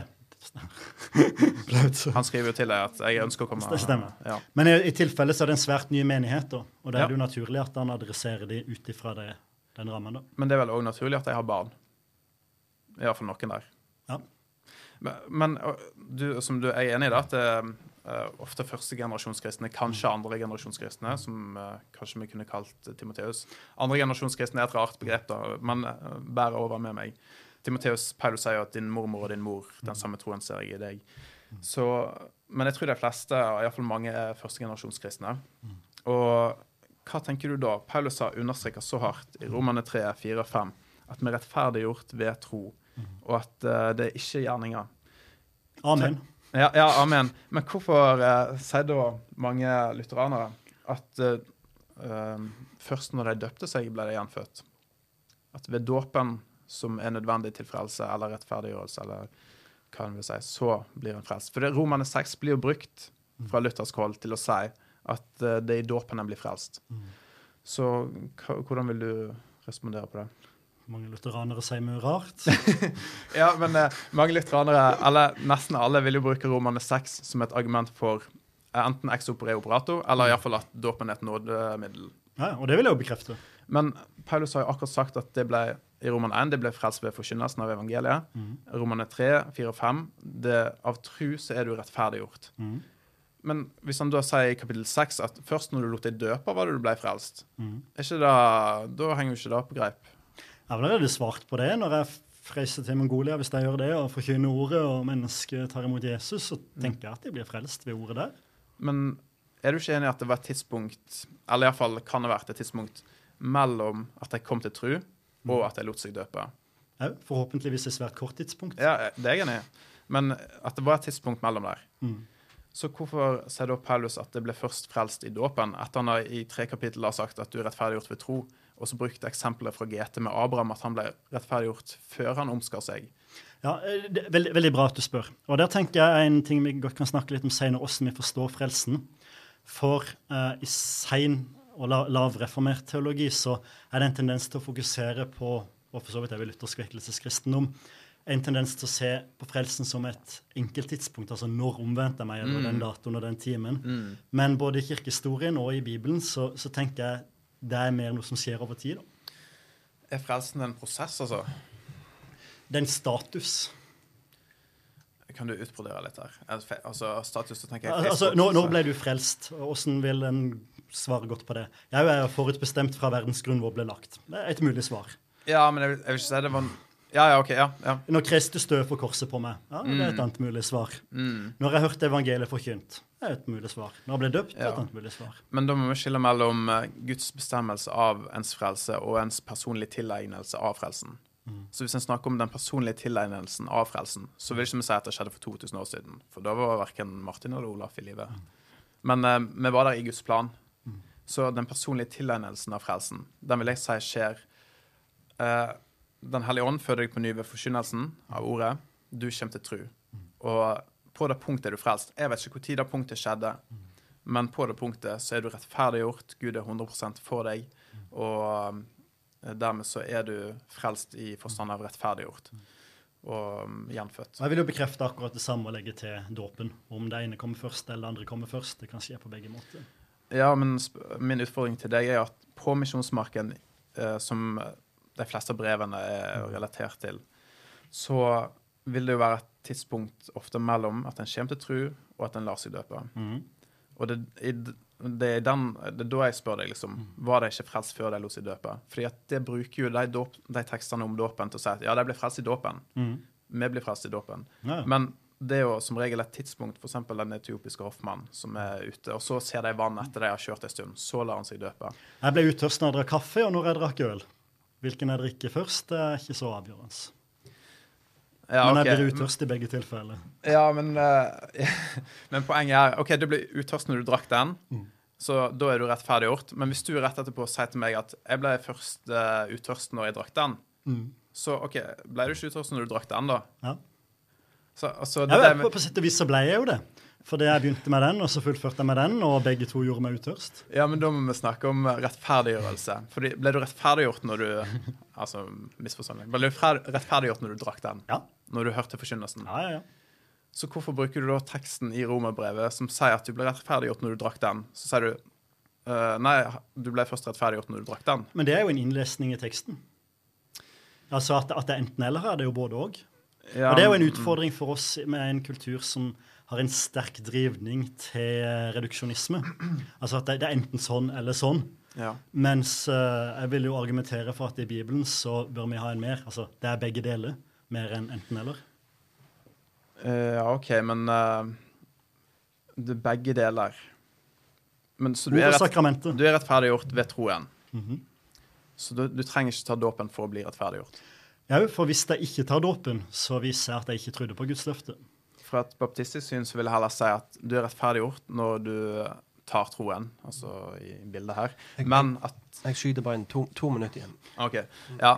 Men at uh, hvis du ikke lar deg døpe, så viser det at du Hvis du hevder tro på Jesus, men du vil ikke la deg døpe, og bekjenne Han som Herre, så viser det at det er noe galt fundamentalt. Men jeg vil ikke si at det er dåpen som gjør at du først blir skikkelig frelst, at frelsen blir en prosess der det Sånn som det er i dag, at mange kommer til tro, og så blir de døpt kanskje to år senere, eller pga. at de har hatt ulike eh, dåpssyn her i Norge, det er en debatt og sånt. Folk eh, som ikke er døpt som baby, vil kanskje se på det her og så lurer Nei, på Vi spør deg jo litt før nå på slutten. Så. ja, ok. Ja. Men eh, i alle fall, så jeg ville ikke sett på dåpens nødvendighet på den måten som lutheranerne gjør det, men jeg vil se på det som en nødvendighet. Men ikke som at det er et frelsesspørsmål, men som en naturlig konsekvens av frelsen. Og Dermed så tenker jeg at den løser opp igjen det. Uh, er oppriktigheten til dåpskandidaten avgjørende for dåpens gyldighet? Uh, både ja og nei. Det må være en oppriktighet der, men graden av oppriktighet kan variere. Så da er det noe i oss som avgjør Guds løfte? Det er Guds verk i oss som eh, må være der. Jeg tenker Gjenfødelsen leder til dåpen, ikke dåpen til gjenfødelsen. Så hvis du senere kommer altså, For dette er jo en parallell ofte så kritiserer den nykalvinistiske bevegelse med rette beslutningsteologi med rekke opp et hånd og ta imot Jesus. Ja. Men får en ikke samme problemet med et baptistisk dåpssyn knyttet til dåpshandlinger? Eh, La meg spørre deg på pinsedag, da. De som spør hva skal vi gjøre for å bli frelst. Peter sier omvend dere, la dere døpe eh, til syndes eh, forlatelse, og dere skal få Den hellige ånds gave. Exopere operator. Eh, ja, ja, men uh, der kan du si det samme, liksom, som du nå sa. Men jeg vil si at ja, han er gyldig, selv om de ikke mente det der og da. OK, da apostelgjengen 8, denne uh, trollmann i Samaria. OK, men vi får se. All right. Det var spennende å høre på. Livlige debat debattanter begge to. Nå skal vi faktisk ta en liten pause, og den pausen blir på ca. fem minutter. Det kan være det blir litt mer, men vi prøver å være tilbake igjen om fem minutter. Og jeg bare oppfordrer igjen. Er det folk som ser på oss nå, som har spørsmål til disse to? Det kan være til den ene eller den andre.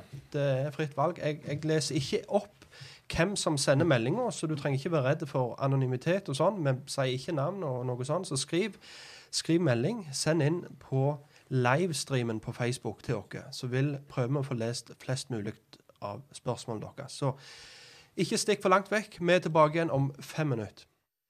Da er vi tilbake igjen, og nå er vi over i et litt eh, avslutningssegment her. Vi er usikre på hvor lenge det kommer til å vare. Vi har snakket nå litt med tre, og vi har det ikke veldig travelt med å komme hjem. Det er Kristi himmelfart i morgen, så vi skal få sove ut. Så jeg tror faktisk vi prøver å komme oss gjennom de fleste eh, spørsmålene som vi har fått inn her. Og jeg tenker rett og slett bare begynne en plass. Jeg begynner med et spørsmål som det ser ut som er retta til Olaf, men allikevel så vil jeg at om det er ett spørsmål som er retta mer til den ene debattanten, så vil jeg òg at den andre skal kunne komme med en liten replikk. Og så prøver en å ja, holde det innenfor fem minutter, eh, et svar, for å si det sånn. Ja, da må jeg bare få Ja, sånn cirka. Men vi, er- vi er ikke veldig eh, Ja. strekkende på det. OK, jeg begynner å lese. Eh, er Olav sikker på at han holder seg til eks-operato? Wisløff er uenig, smilefjes. Det var vel ikke et spørsmål, eller det var et slags spørsmål. Ja, er du sikker var- på at du holder deg Er du uenig med Wisløff? Ja, på en måte. Er du uenig med Wisløff? Eh, Jeg er stort sett enig med Wisløff, men jeg må nesten ha en konkret formulering om jeg skal ta, være enig med ham eller ikke. Men jeg kan si litt om det. Uh, altså, dette er en stor diskusjon også innad i, i luthersk teologi, hvordan det rent konkret skal forstås. Uh, og det er noen som har formulert det som at er du døpt, så er du frelst. Og det finner du samtidig i samtidig folkekirkelighet, og det, det gjør jeg jo ikke, da. Altså, det er jo vedvarelse i dåpspakten. Vil du kommentere noe på det, eller? Det var vel uh, Det som jeg har lest av uh, Visle og Sant, er Jeg, jeg, jeg ble litt overraska, men det her kan du rette meg på. Men jeg trodde det var en generell avstand Og Luther er jo veldig på det, at han tar avstand fra den katolske exoperator-tankegangen med at han understreker viktigheten av troen.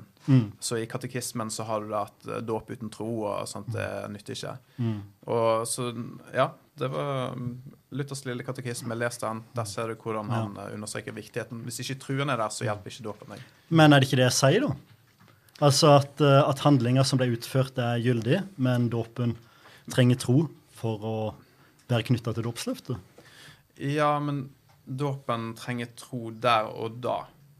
Ikke bare videre fram i tid. Nei, altså, Sakramentet, handlinger i seg sjøl, er gyldig der og da, Og Men- gir tro. og gir tro og Den hellige ånd. Ok, for uh, Luther snakker jo om hvordan I middelalderen så var det den tanken at vi må uh, forene troen med barnedåpen, eller babydåpen. Og det de snakket om, var sponsor av Kirkens tro, som uh, Augustin snakker om, at uh, Kirken er babyens mor som uh, gir tale til babyens bekjennelse og sånt. Mens Luther han sa at det er ikke andres i tro, men når babyen bæres fram, så er det ber Kirken og foreldre for at barnet skal få ei tro, så det kan ta imot dåpen.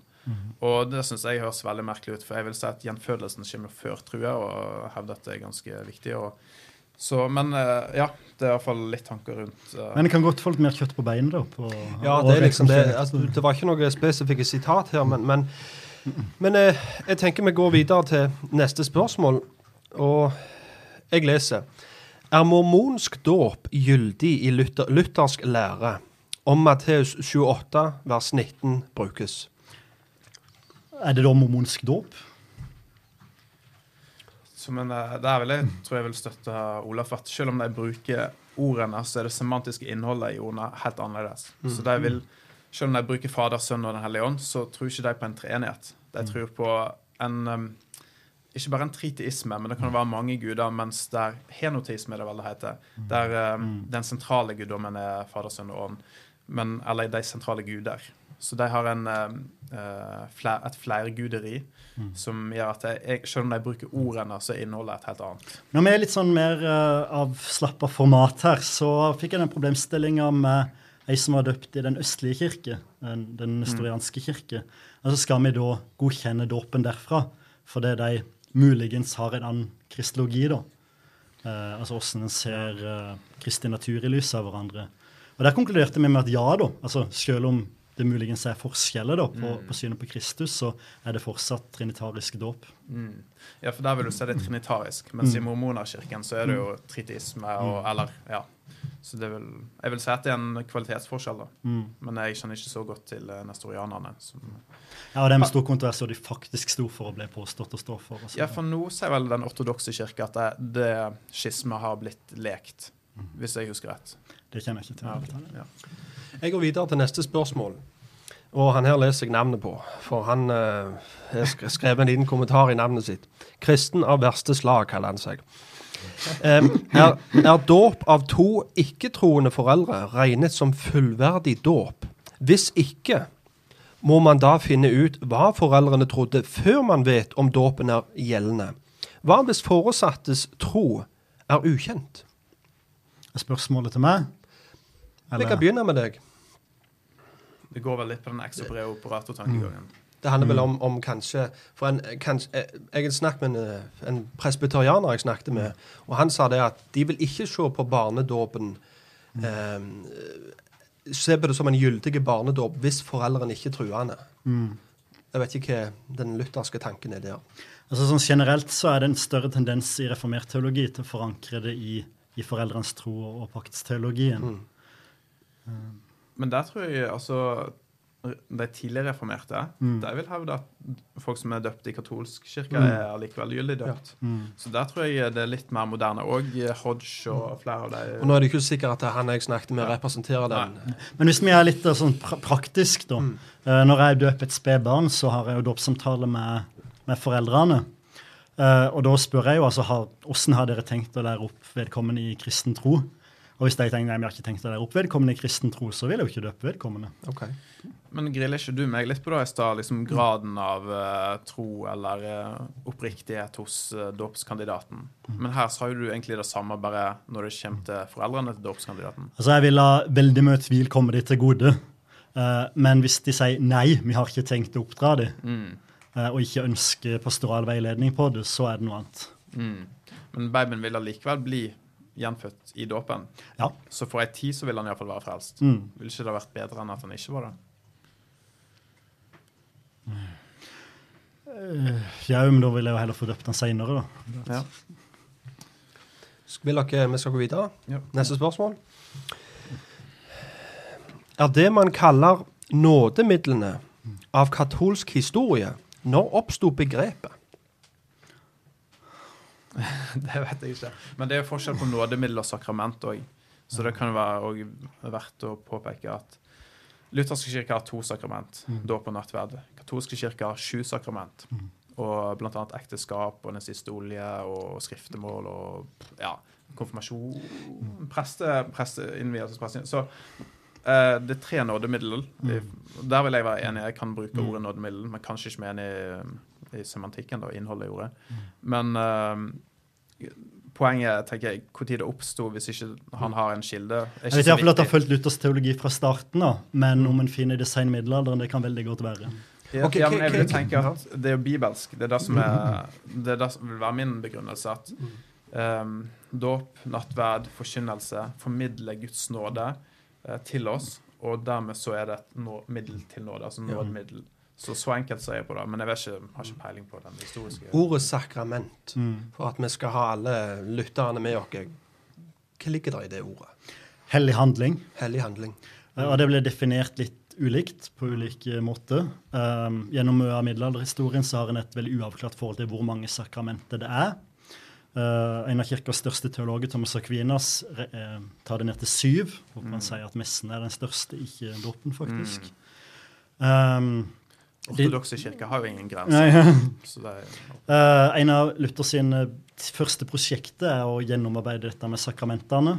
Uh, og ender da opp med at det er to, dåpen og, eh, og nattværen. Uh, med et høyt syn på skriftemålet, selv om en ender opp med at det ikke egentlig er et sakrament. Litt ut ifra kriteriet om at det skal formidle frelse og være innstifta av Kristus. da. Eh, Og Derfor er det en del lutherske miljøer som, som lener mot at egentlig så er jo absolusjonen eller, eller skriftemålet nokså nært det. da. Augustin har jo en sånn uh, definisjon på sakrament som både Luther og Mm. Wisløff gjentar. Mm. Det er et eller annet med at når Guds løfte blir knytta til et element, Mm. så får du et sakrament. Mm. Så et sakrament så, Rett meg hvis jeg tar feil nå i Luthers forstand, er knytta til fysiske midler, som Mm. enten vann eller brød og vin. Mm. Så, men det er ikke vann eller brød og vin, men det er Guds løfte Mm. knytta til det, og så ordet sammen med de midlene som gjør det til et sakrament. Ok. Det, det som er litt utfordring her, det er når noen stiller spørsmål, så kan ikke jeg komme med noen oppklaring hvis dere ikke forstår det. sant? Så dere må faktisk spisse ørene nå, så må dere se om dere forstår hva som blir sagt. Ehm, jeg leser videre, og her begynner han med å si påstand. Luthersk dåp er også troendes dåp. Kan det sies noe om det? Kanskje definere troendes dåp? Ja. For klart, Det er jo litt som jeg har vært inne på, hva er tro, egentlig?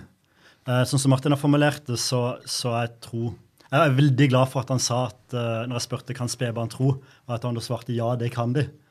For litt for mange tar den enkle formuleringa nei, det kan de ikke. For ofte så tenker vi at det å tro det er det vi sier med ordene våre. Men tro er vesentlig mer enn det, heldigvis. For mange av oss er ikke alltid så gode til å formulere seg. Ja, mm. uh, og, og det har blitt litt viktig for meg det at troen går forut både for tanken og bekjennelsen. Uh, altså at Troen er Guds gave som gis i oss, og så får det uttrykk både for hva vi sier, og hva vi tenker og hva vi gjør. Hva vil du si til det, Bart? Og Det kan du være enten du er mentalt tilbakestående eller spedbarn eller hva som helst. Jeg vil si eh, meg eh, enig i det jeg selv sa tidligere, med at uh, du kan ikke si at, et spedbarn ikke kan tro, og det vil jeg vise til Jesus og Johannes døperen. Men uh, jeg vil si at Johannes døperen er unntaket som vi ikke kan si noe dogmatisk om. Og han hadde jo Den hellige ånd uten dåpen og uten omskjærelse og sånt. Så, så det jeg vil si generelt, er at hvordan blir troen beskrevet i Det nye testamentet, og i Det gamle testamentet òg? Jo, det, det, bærer, det er umulig at det ikke bærer frukt. Det bærer frukt i form av bekjennelse, omvendelse, oppgivelse av alt en eier, som Jesus sier i Lukas eh, 13 eller 14. Ja. Så, så sånn som troen blir beskrevet, så er det noe tankemessig, det er noe du fester tilliten til, og dermed så vil ikke Det er det jeg vil basere min lære min dogmatikk på, ikke unntaket med Johannes døperen, eller hva som Gud kan gjøre utenom hans vanlige uh, nådemiddel, uh, forkynnelsen av ordet. Men det vi kanskje kan enes om, er at troen er noe som gis uavhengig av våre egenskaper, og vi vil også legge til på tross av våre egenskaper. Ja. Men, men jeg vil nok understreke på generelt grunnlag at troen kommer ved forkynnelsen, og ikke at den kommer gjennom dåp eller andre ting. Så, Og der er jo der vi er uenige. ja. OK, neste spørsmål. Og det her står at det er retta mer spesifikt til Olav. Hva sier du, kameramann? Hva er poenget? Halvtime igjen. OK, på filminga. Ja. Greit. Eh, det her er retta til Olav. Kanskje det vil vi snakke om allerede. Har vært borte i, fra sendingen en stund, skriver hun her. Eh, hva med spedbarn av bevisst ikke-kristne i f.eks. Den norske kirke som blir døpt? Og motsatt, spedbarn av bevisst ikke-kristne som ikke blir døpt inn i kirken. Vil du si at de to spedbarna har ulikt utgangspunkt åndelig sett, når begge sine foreldre eller faddere ikke har noe intensjon om å oppdra disse barna i kristen tro og lære? Kan du ta det andre eksempelet? Jeg fikk med meg det første, altså barna bevisst ikke kristne. men...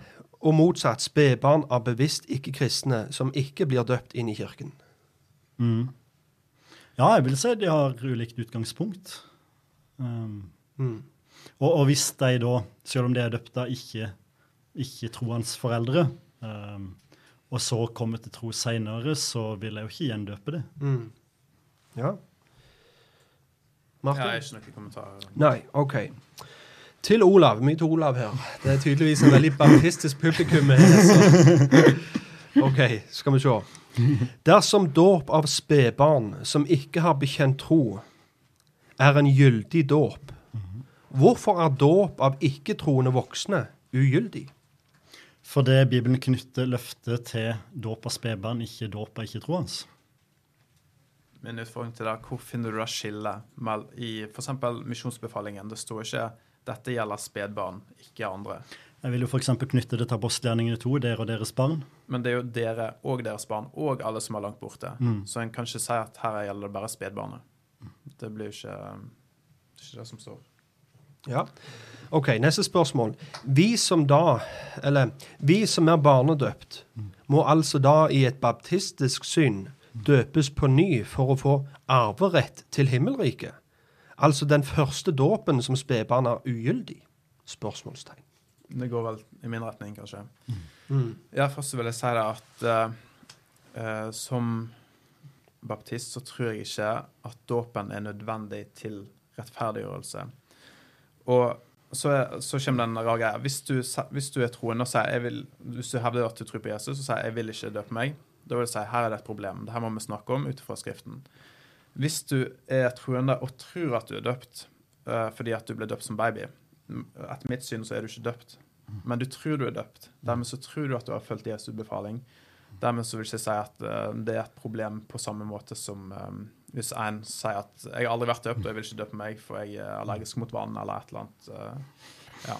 Så jeg vil, jeg vil ikke si at Selv om jeg sier at alle lutheranere er egentlig ikke døpt, så vil jeg ikke si at dermed så kan du ikke bli frelst. Jeg vil tro at du er rettferdiggjort, så sant du elsker Herren og, og tror på Hans evangelium.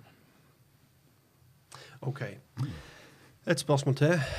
Igjen til Olav.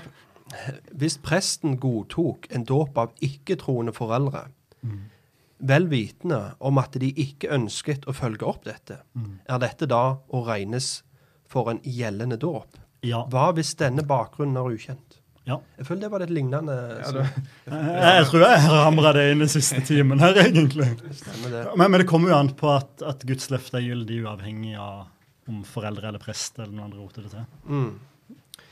Ja, OK. Da har jeg eh, litt flere her. Skal vi se. Mange velger å døpe sine babyer uten å tro eller være overbevist om at det er frelse i dåpen.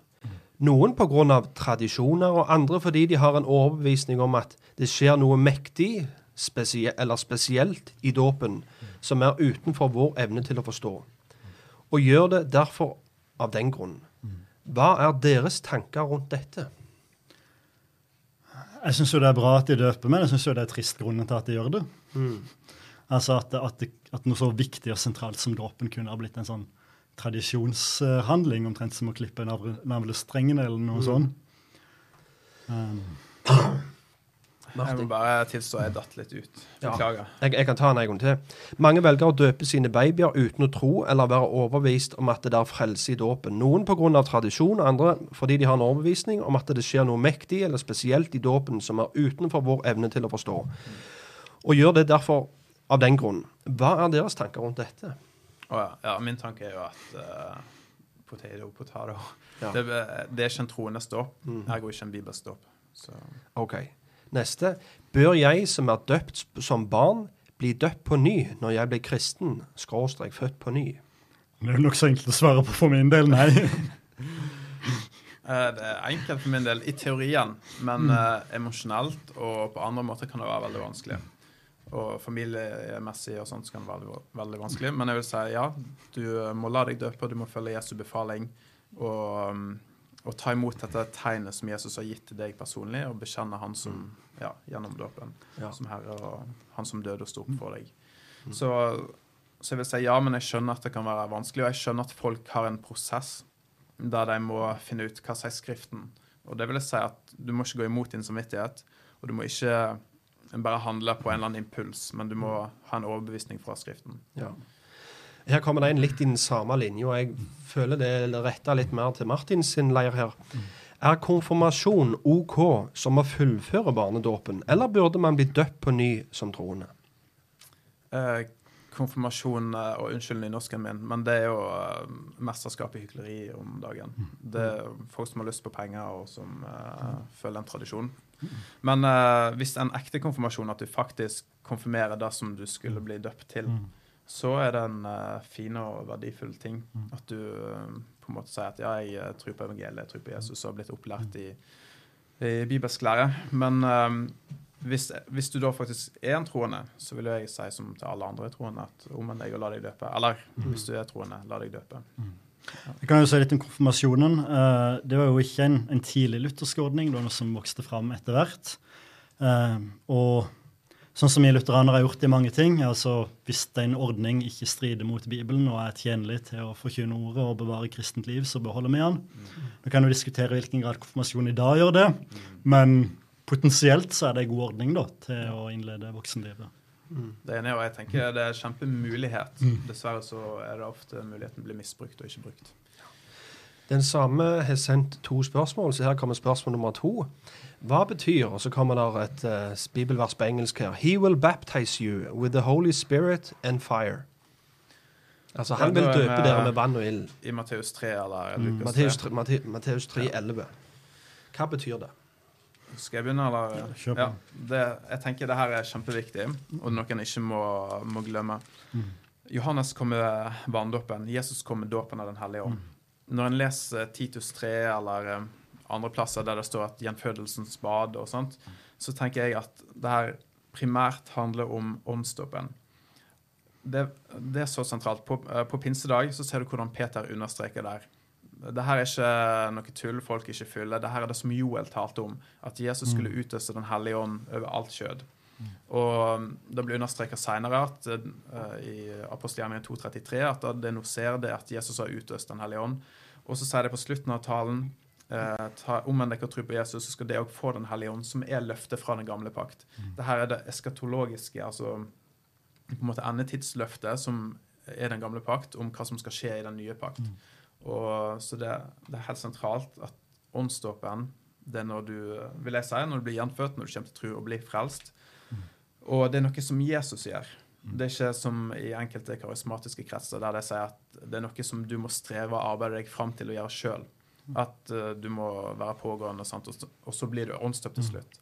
Men det her er noe Jesus sier med hver enkelt troende som, eh, som ja, Hver enkelt som kommer til tro. Jeg vil jo bekrefte det og si at det er det vi tenker skjer i, i kristendom. Mm. Et vers på det som er typisk er jo 1. Korinterne 12-13. For med én ånd ble vi alle døpt inn i én kropp, enten vi er jødere eller grekere. Enten vi er slaver eller frie, og vi har alle fått én ånd å drikke. Så jeg tenker gjenfødelse og fornyelse. Ok, Her kommer det et oppfølgingsspørsmål fra en kar. Eh, skal vi se. Syns du røpte litt masse når du sa det var en kar? Ja. Jeg tror jeg vet om det. Eh, hviler ugyldigheten i mormonsk dåp på vantrohet angående treenigheten?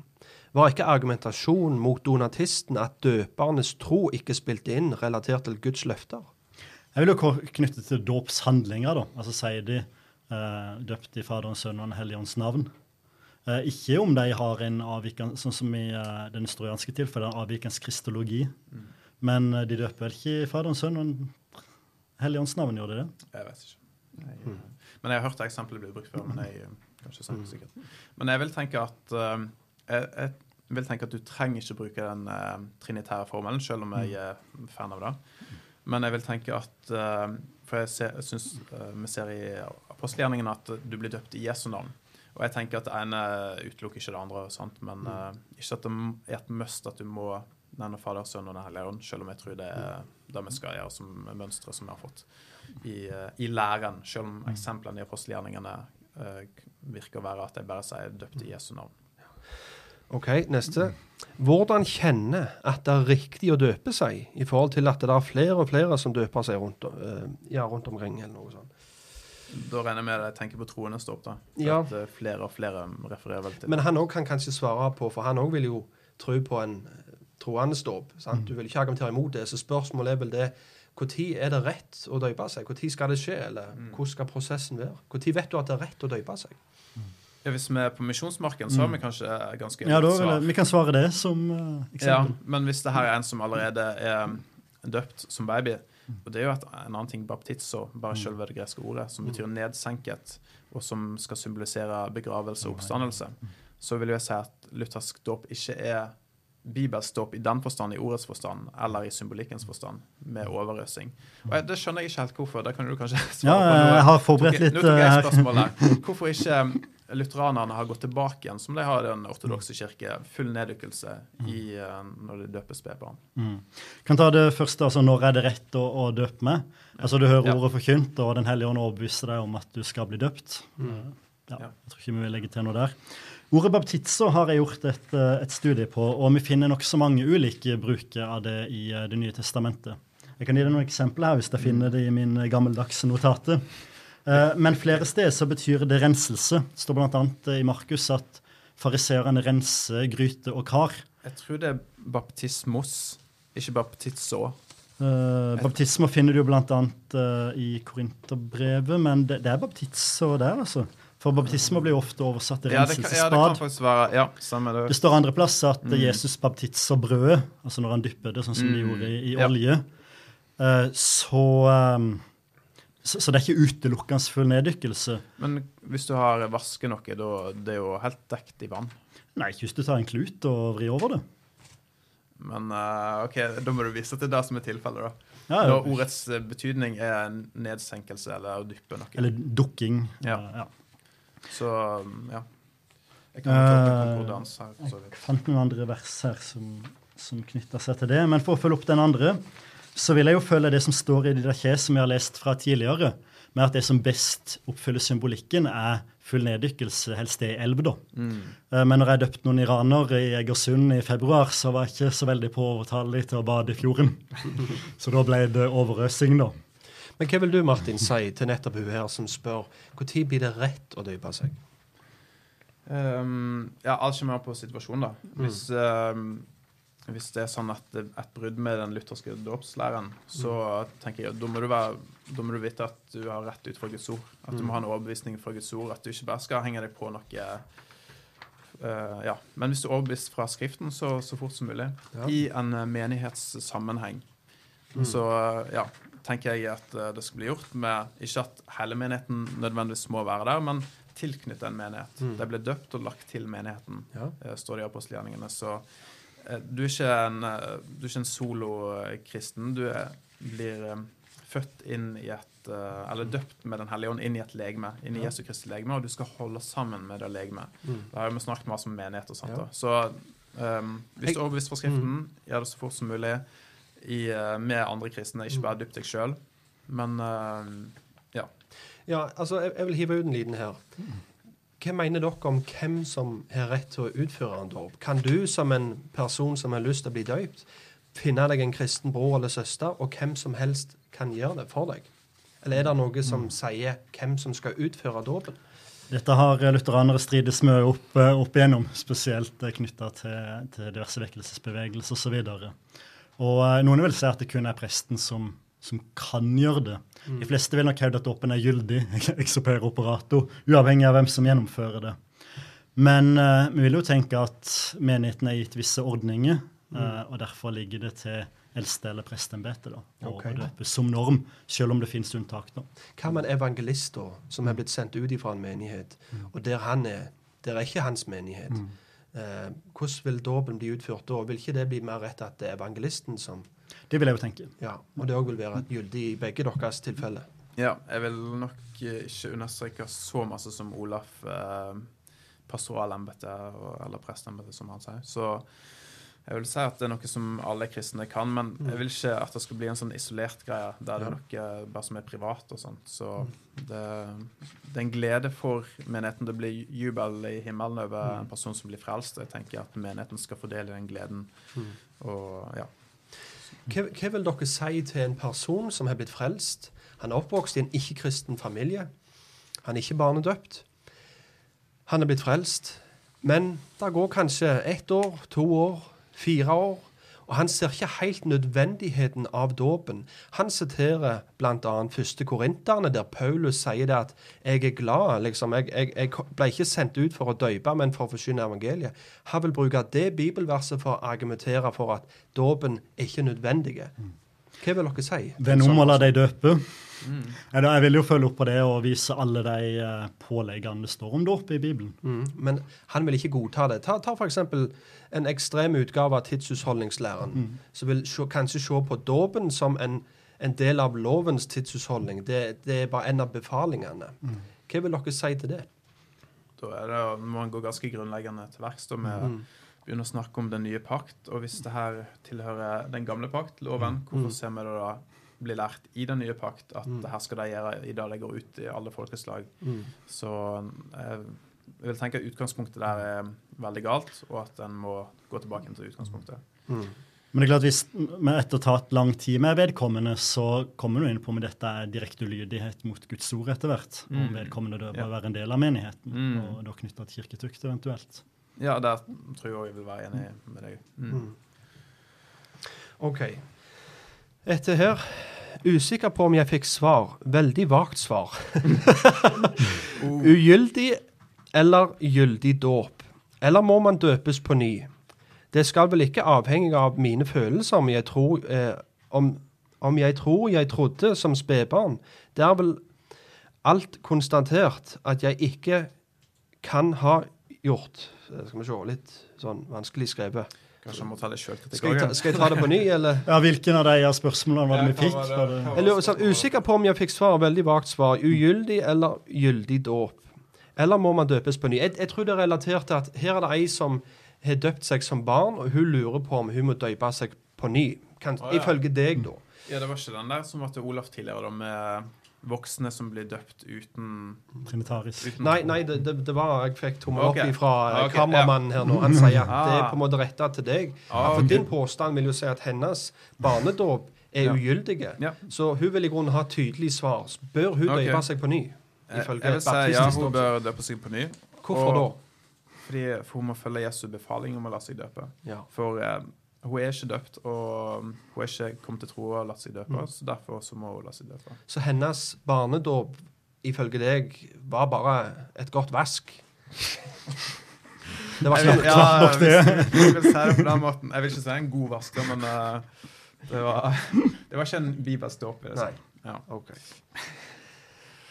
Og så har vi et litt skøye her. Uh, skal vi se Jeg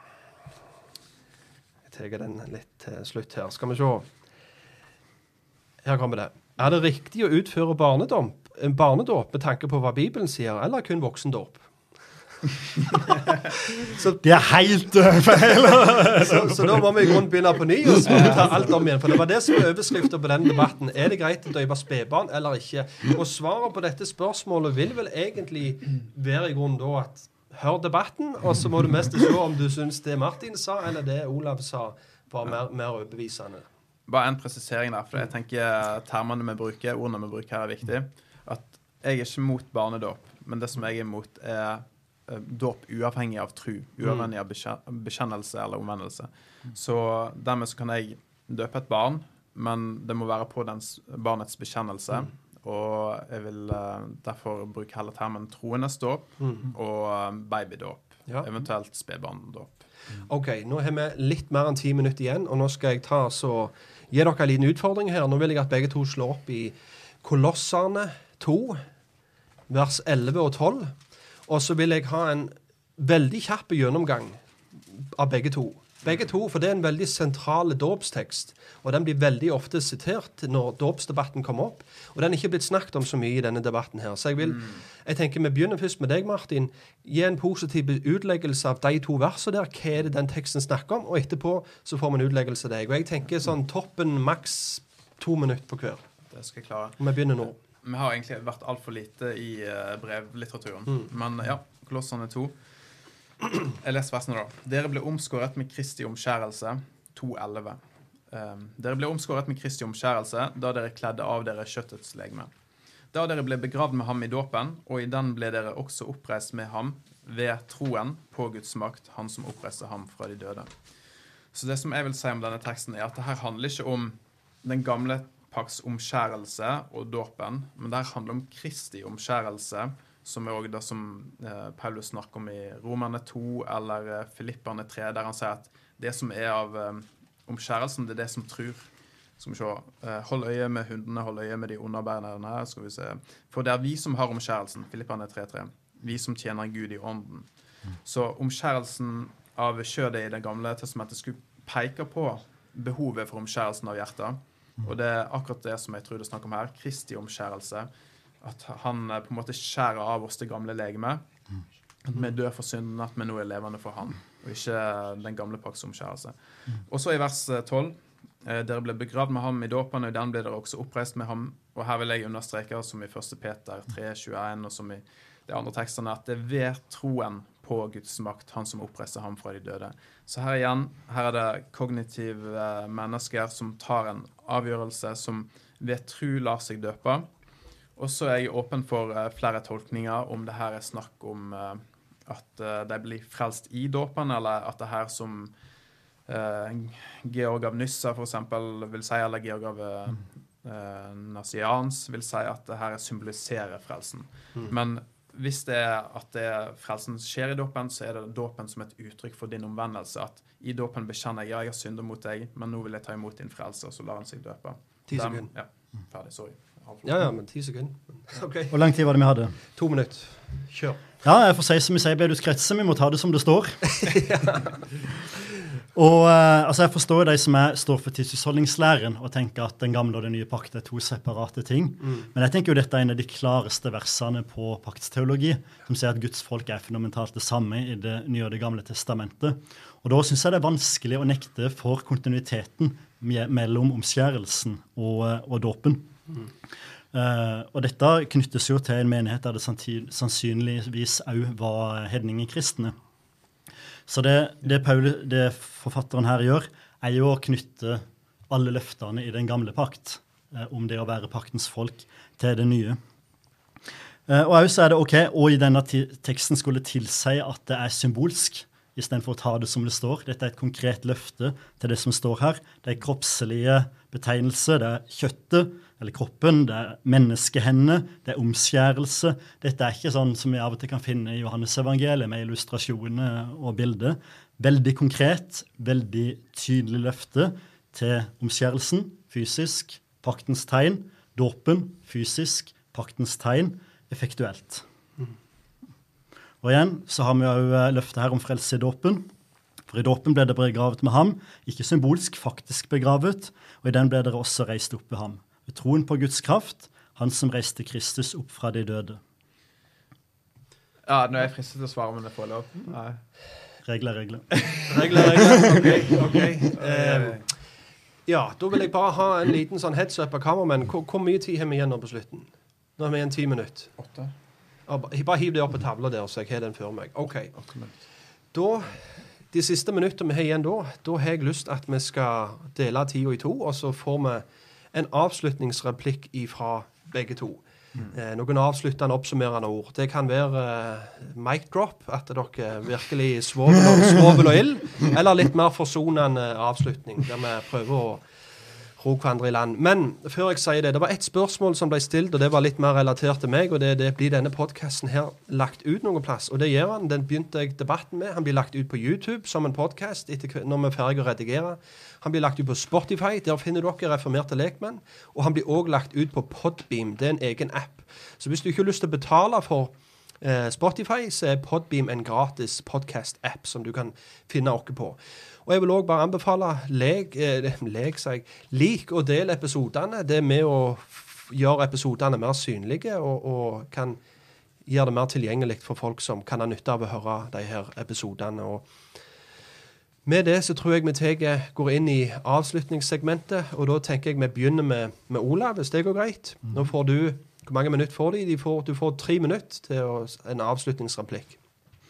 Ja, jeg vil avslutte med å takke for at jeg ble invitert. Som sagt så er jeg på fremmed mark. Det er nok ikke så mange i Kilden-kontekst som forsvarer Exoper Operato. Men jeg har jo hatt eh, gleden av å gjøre det i dag. At vi har kunnet gjort det i en eh, broderlig, men eh, spiss tone. Eh, vi har vært bitende uenige om, om spørsmålet vi stiller. Både om spedbarn har del i dåpsløftet, og hva dåpen innebærer. Altså både den mer felleskristne baptistiske med, med om vi skal døpe spedbarn, og mer den spesifikke lutherske med hva dåpen innebærer. Uh, og samtidig så har vi funnet mye, mye fellestrekk. At uh, alt vårt håp er i Kristus, som døde for våre synder. Som blir gitt oss uavhengig av noe i oss sjøl. Det er syndens forlatelse og vår frelse. Og noe vi kan stole på, uansett hva som, uh, som måtte skje. Så eh, jeg vil egentlig begynne litt der, eh, der jeg slutta. Reformerte lekmenn. Gransk den reformerte tradisjon. Les Calvin. Les eh, ja, Av og til svingelig. det gjør vondt for en lutheraner å si det. når vi tenker på mer, Ikke les svingelig. les Bavink, som jeg vil anbefale senere. Stor uh, nederlandsk teolog. Og se på hvordan de argumenterer for, eh, for barnedåpen. Jeg er lutheraner. Jeg er et eh, sort får på i farge her på denne podkasten. Selv om du ikke er enig i alle de tingene jeg sa, så kan du fortsatt være enig i barnedåpen. For det barnedåpen henger så godt sammen med tradisjonelt reformert teologi. Det totale syndeforderv, at vi er fullstendig forkrøpla i synd. Guds uforbeholdne nåde, uavhengig av oss sjøl, som frelser oss ifra syndens makt, uten at vi har gjort noe fra eller til. Noen av de tydeligste prekenene jeg har på monergisme, er når jeg døper et lite barn. Når vi bærer det fram, det gjør ingenting fra eller til, og det blir et Guds barn i dåpen. Så jeg vil avslutte sånn som jeg avslutta innledninga mi, med en appell til mine baptistiske venner. Jeg kan forstå pinsevenner og andre armenianere som nekter for barndåpen. Gud har gjort sitt, og du må bruke din frie vilje til å gjøre resten. En sånn synergistisk frelseslære går som hånd i hanske med bekjennelsesdåp. Der min vilje, valg og tro er det avgjørende for å bli døpt. Jeg kan forstå liberale som nekter for barndåpen. Gud har ikke rett til å styre over mitt liv. Jeg er sjøl her i eget liv og velger sjøl om jeg skal ha noe med han å gjøre. Og derfor at vi må velge dåpen sjøl. Men jeg sliter med forstå, det jeg sliter med å forstå, er hvordan oppriktige, bibeltro, gudfryktige reformerte baptister, sånn som broder Martin, ikke ser og godt inkludering av barn i dåpspakten henger sammen med en ellers god teologi. Så i god baptistisk ånd vil jeg en invitasjon til å ta et valg i dag. Gå tilbake til det historisk reformerte synet på dåpen. Omfang gleden i Guds vide nådepakt for alt hans folk, både kvinner og menn, jøder og nordmenn, oldinger og spedbarn. La det skje. Og før jeg slipper til Martin der, så vil jeg bare overgi deg en liten gave her. Det er Et lite minne her at du var på reformerte lekmenn, så da kan du gå rundt og, med meg og Thomas bak på ryggen og logoen her framme. Så du kan jo velge om du hiver den i søpla på vei ut, eller om at du Den skal jeg ta godt vare på. Som et Jeg godt tok, jeg tok en large, men eh, vi har andre størrelser òg. OK. Martin. Ja, Uh, Først så vil jeg si at jeg håper denne debatten uh, som du innleder med, fører til eh, gode bibelstudier. Og at eh, det fører til gode debatter mellom søsken. Og da tenker jeg ikke på den type søsken som Kain var mot Abel. eh, og som spedbarnsdøperne har vært mot eh, baptistene tidligere, på reformasjonstiden. Men som Jonathan var mot David. At vi kan ha en, en debatt som jeg tror vi har hatt nå, i kjærlighet til hverandre og til Gud. Og gjennom et studie av Skriften så håper jeg at du vil komme fram til at du får en større forståelse for evangeliet. At du vil se hvordan dåpen er et tegn som er gitt deg personlig av Jesus, som skal føre til helliggjørelse og glede i ditt liv. Og at du ser i Skriften at det aldri blir verken lært eller eksemplifisert eh, dåp av spedbarn. Og det som jeg tror også er tydelig ut fra Skriften, er at det fins et krav til dåp, og det er en tru som blir uttrykt gjennom dåp. Og det er ei tru som eh, blir beskrevet i Skriften som ei forstandsmessig tru. Fra en person som tror, som føler vekten av synd, som føler behovet for frelse, og som setter sin lit til Jesus. Og ved å åpne opp eh, for dåp av spedbarn og en luthersk dåpslære, så mener jeg at vi skaper forvirring rundt evangeliet. Vi snur om på Skriftens rekkefølge, og vi kan ikke si som Peter, omvend deg og la deg døpe. Ei heller at dåpen er en bønn til Gud om en god samvittighet. Vi tar dåpen fra de som omvender seg og tror, og sånn at de tror at de allerede er døpt, mens de egentlig ikke er det. Eh, dette vil føre til at jeg igjen vil bare si nei til hovedspørsmålet. Åpne Bibelen opp for dåp av spedbarn. Og til de som eh, ikke er døpt med bibelsk dåp, så vil jeg si la dere døpe. Ikke fordi jeg sier det, men fordi at det er apostlenes lære. Hvis du er oppriktig usikker på hva apostlenes lære er, så ikke gå imot din samvittighet, men be til Gud og les Skriften. Snakk med andre, les kommentarlitteratur, som Olaf òg sa. Les reformert, les baptistisk, les Han sa ikke les baptistisk, men les uh, forskjellig. Og be om klarhet i dette spørsmålet. Uh, sånn at hva enn du ender opp med å gjøre, så gjør du det med en god samvittighet overfor Gud. Mm. Amen. Da vil jeg bare si uh Olav, tusen takk for at du ble med oss i studio. Vi setter veldig pris på deg her i Reformerte lekmenn. og syns det er stort av deg å ville møte opp her i studio. og Som vi, som alle erfarer, så er det ikke et veldig godt miljø for debatt i det kristne landskapet. Så vi setter pris på at dere begge to ville møte opp i dag og, og ha en eh, broderlig dialog. Og jeg må si jeg syns det var en veldig god debatt og veldig forbi forbilledlig måten dere snakket på. og Takk òg til deg, Martin, for at du ble med oss. og så håper vi kanskje å fortsette drøsen. Og så håper vi at dere som hører på, kan, eh, at jeg kan ha starta en uh, liten forvetenskap til å gå inn og granske skriftene for dere sjøl. Og med det så tror jeg jeg må si takk for i dag, og på gjenhør.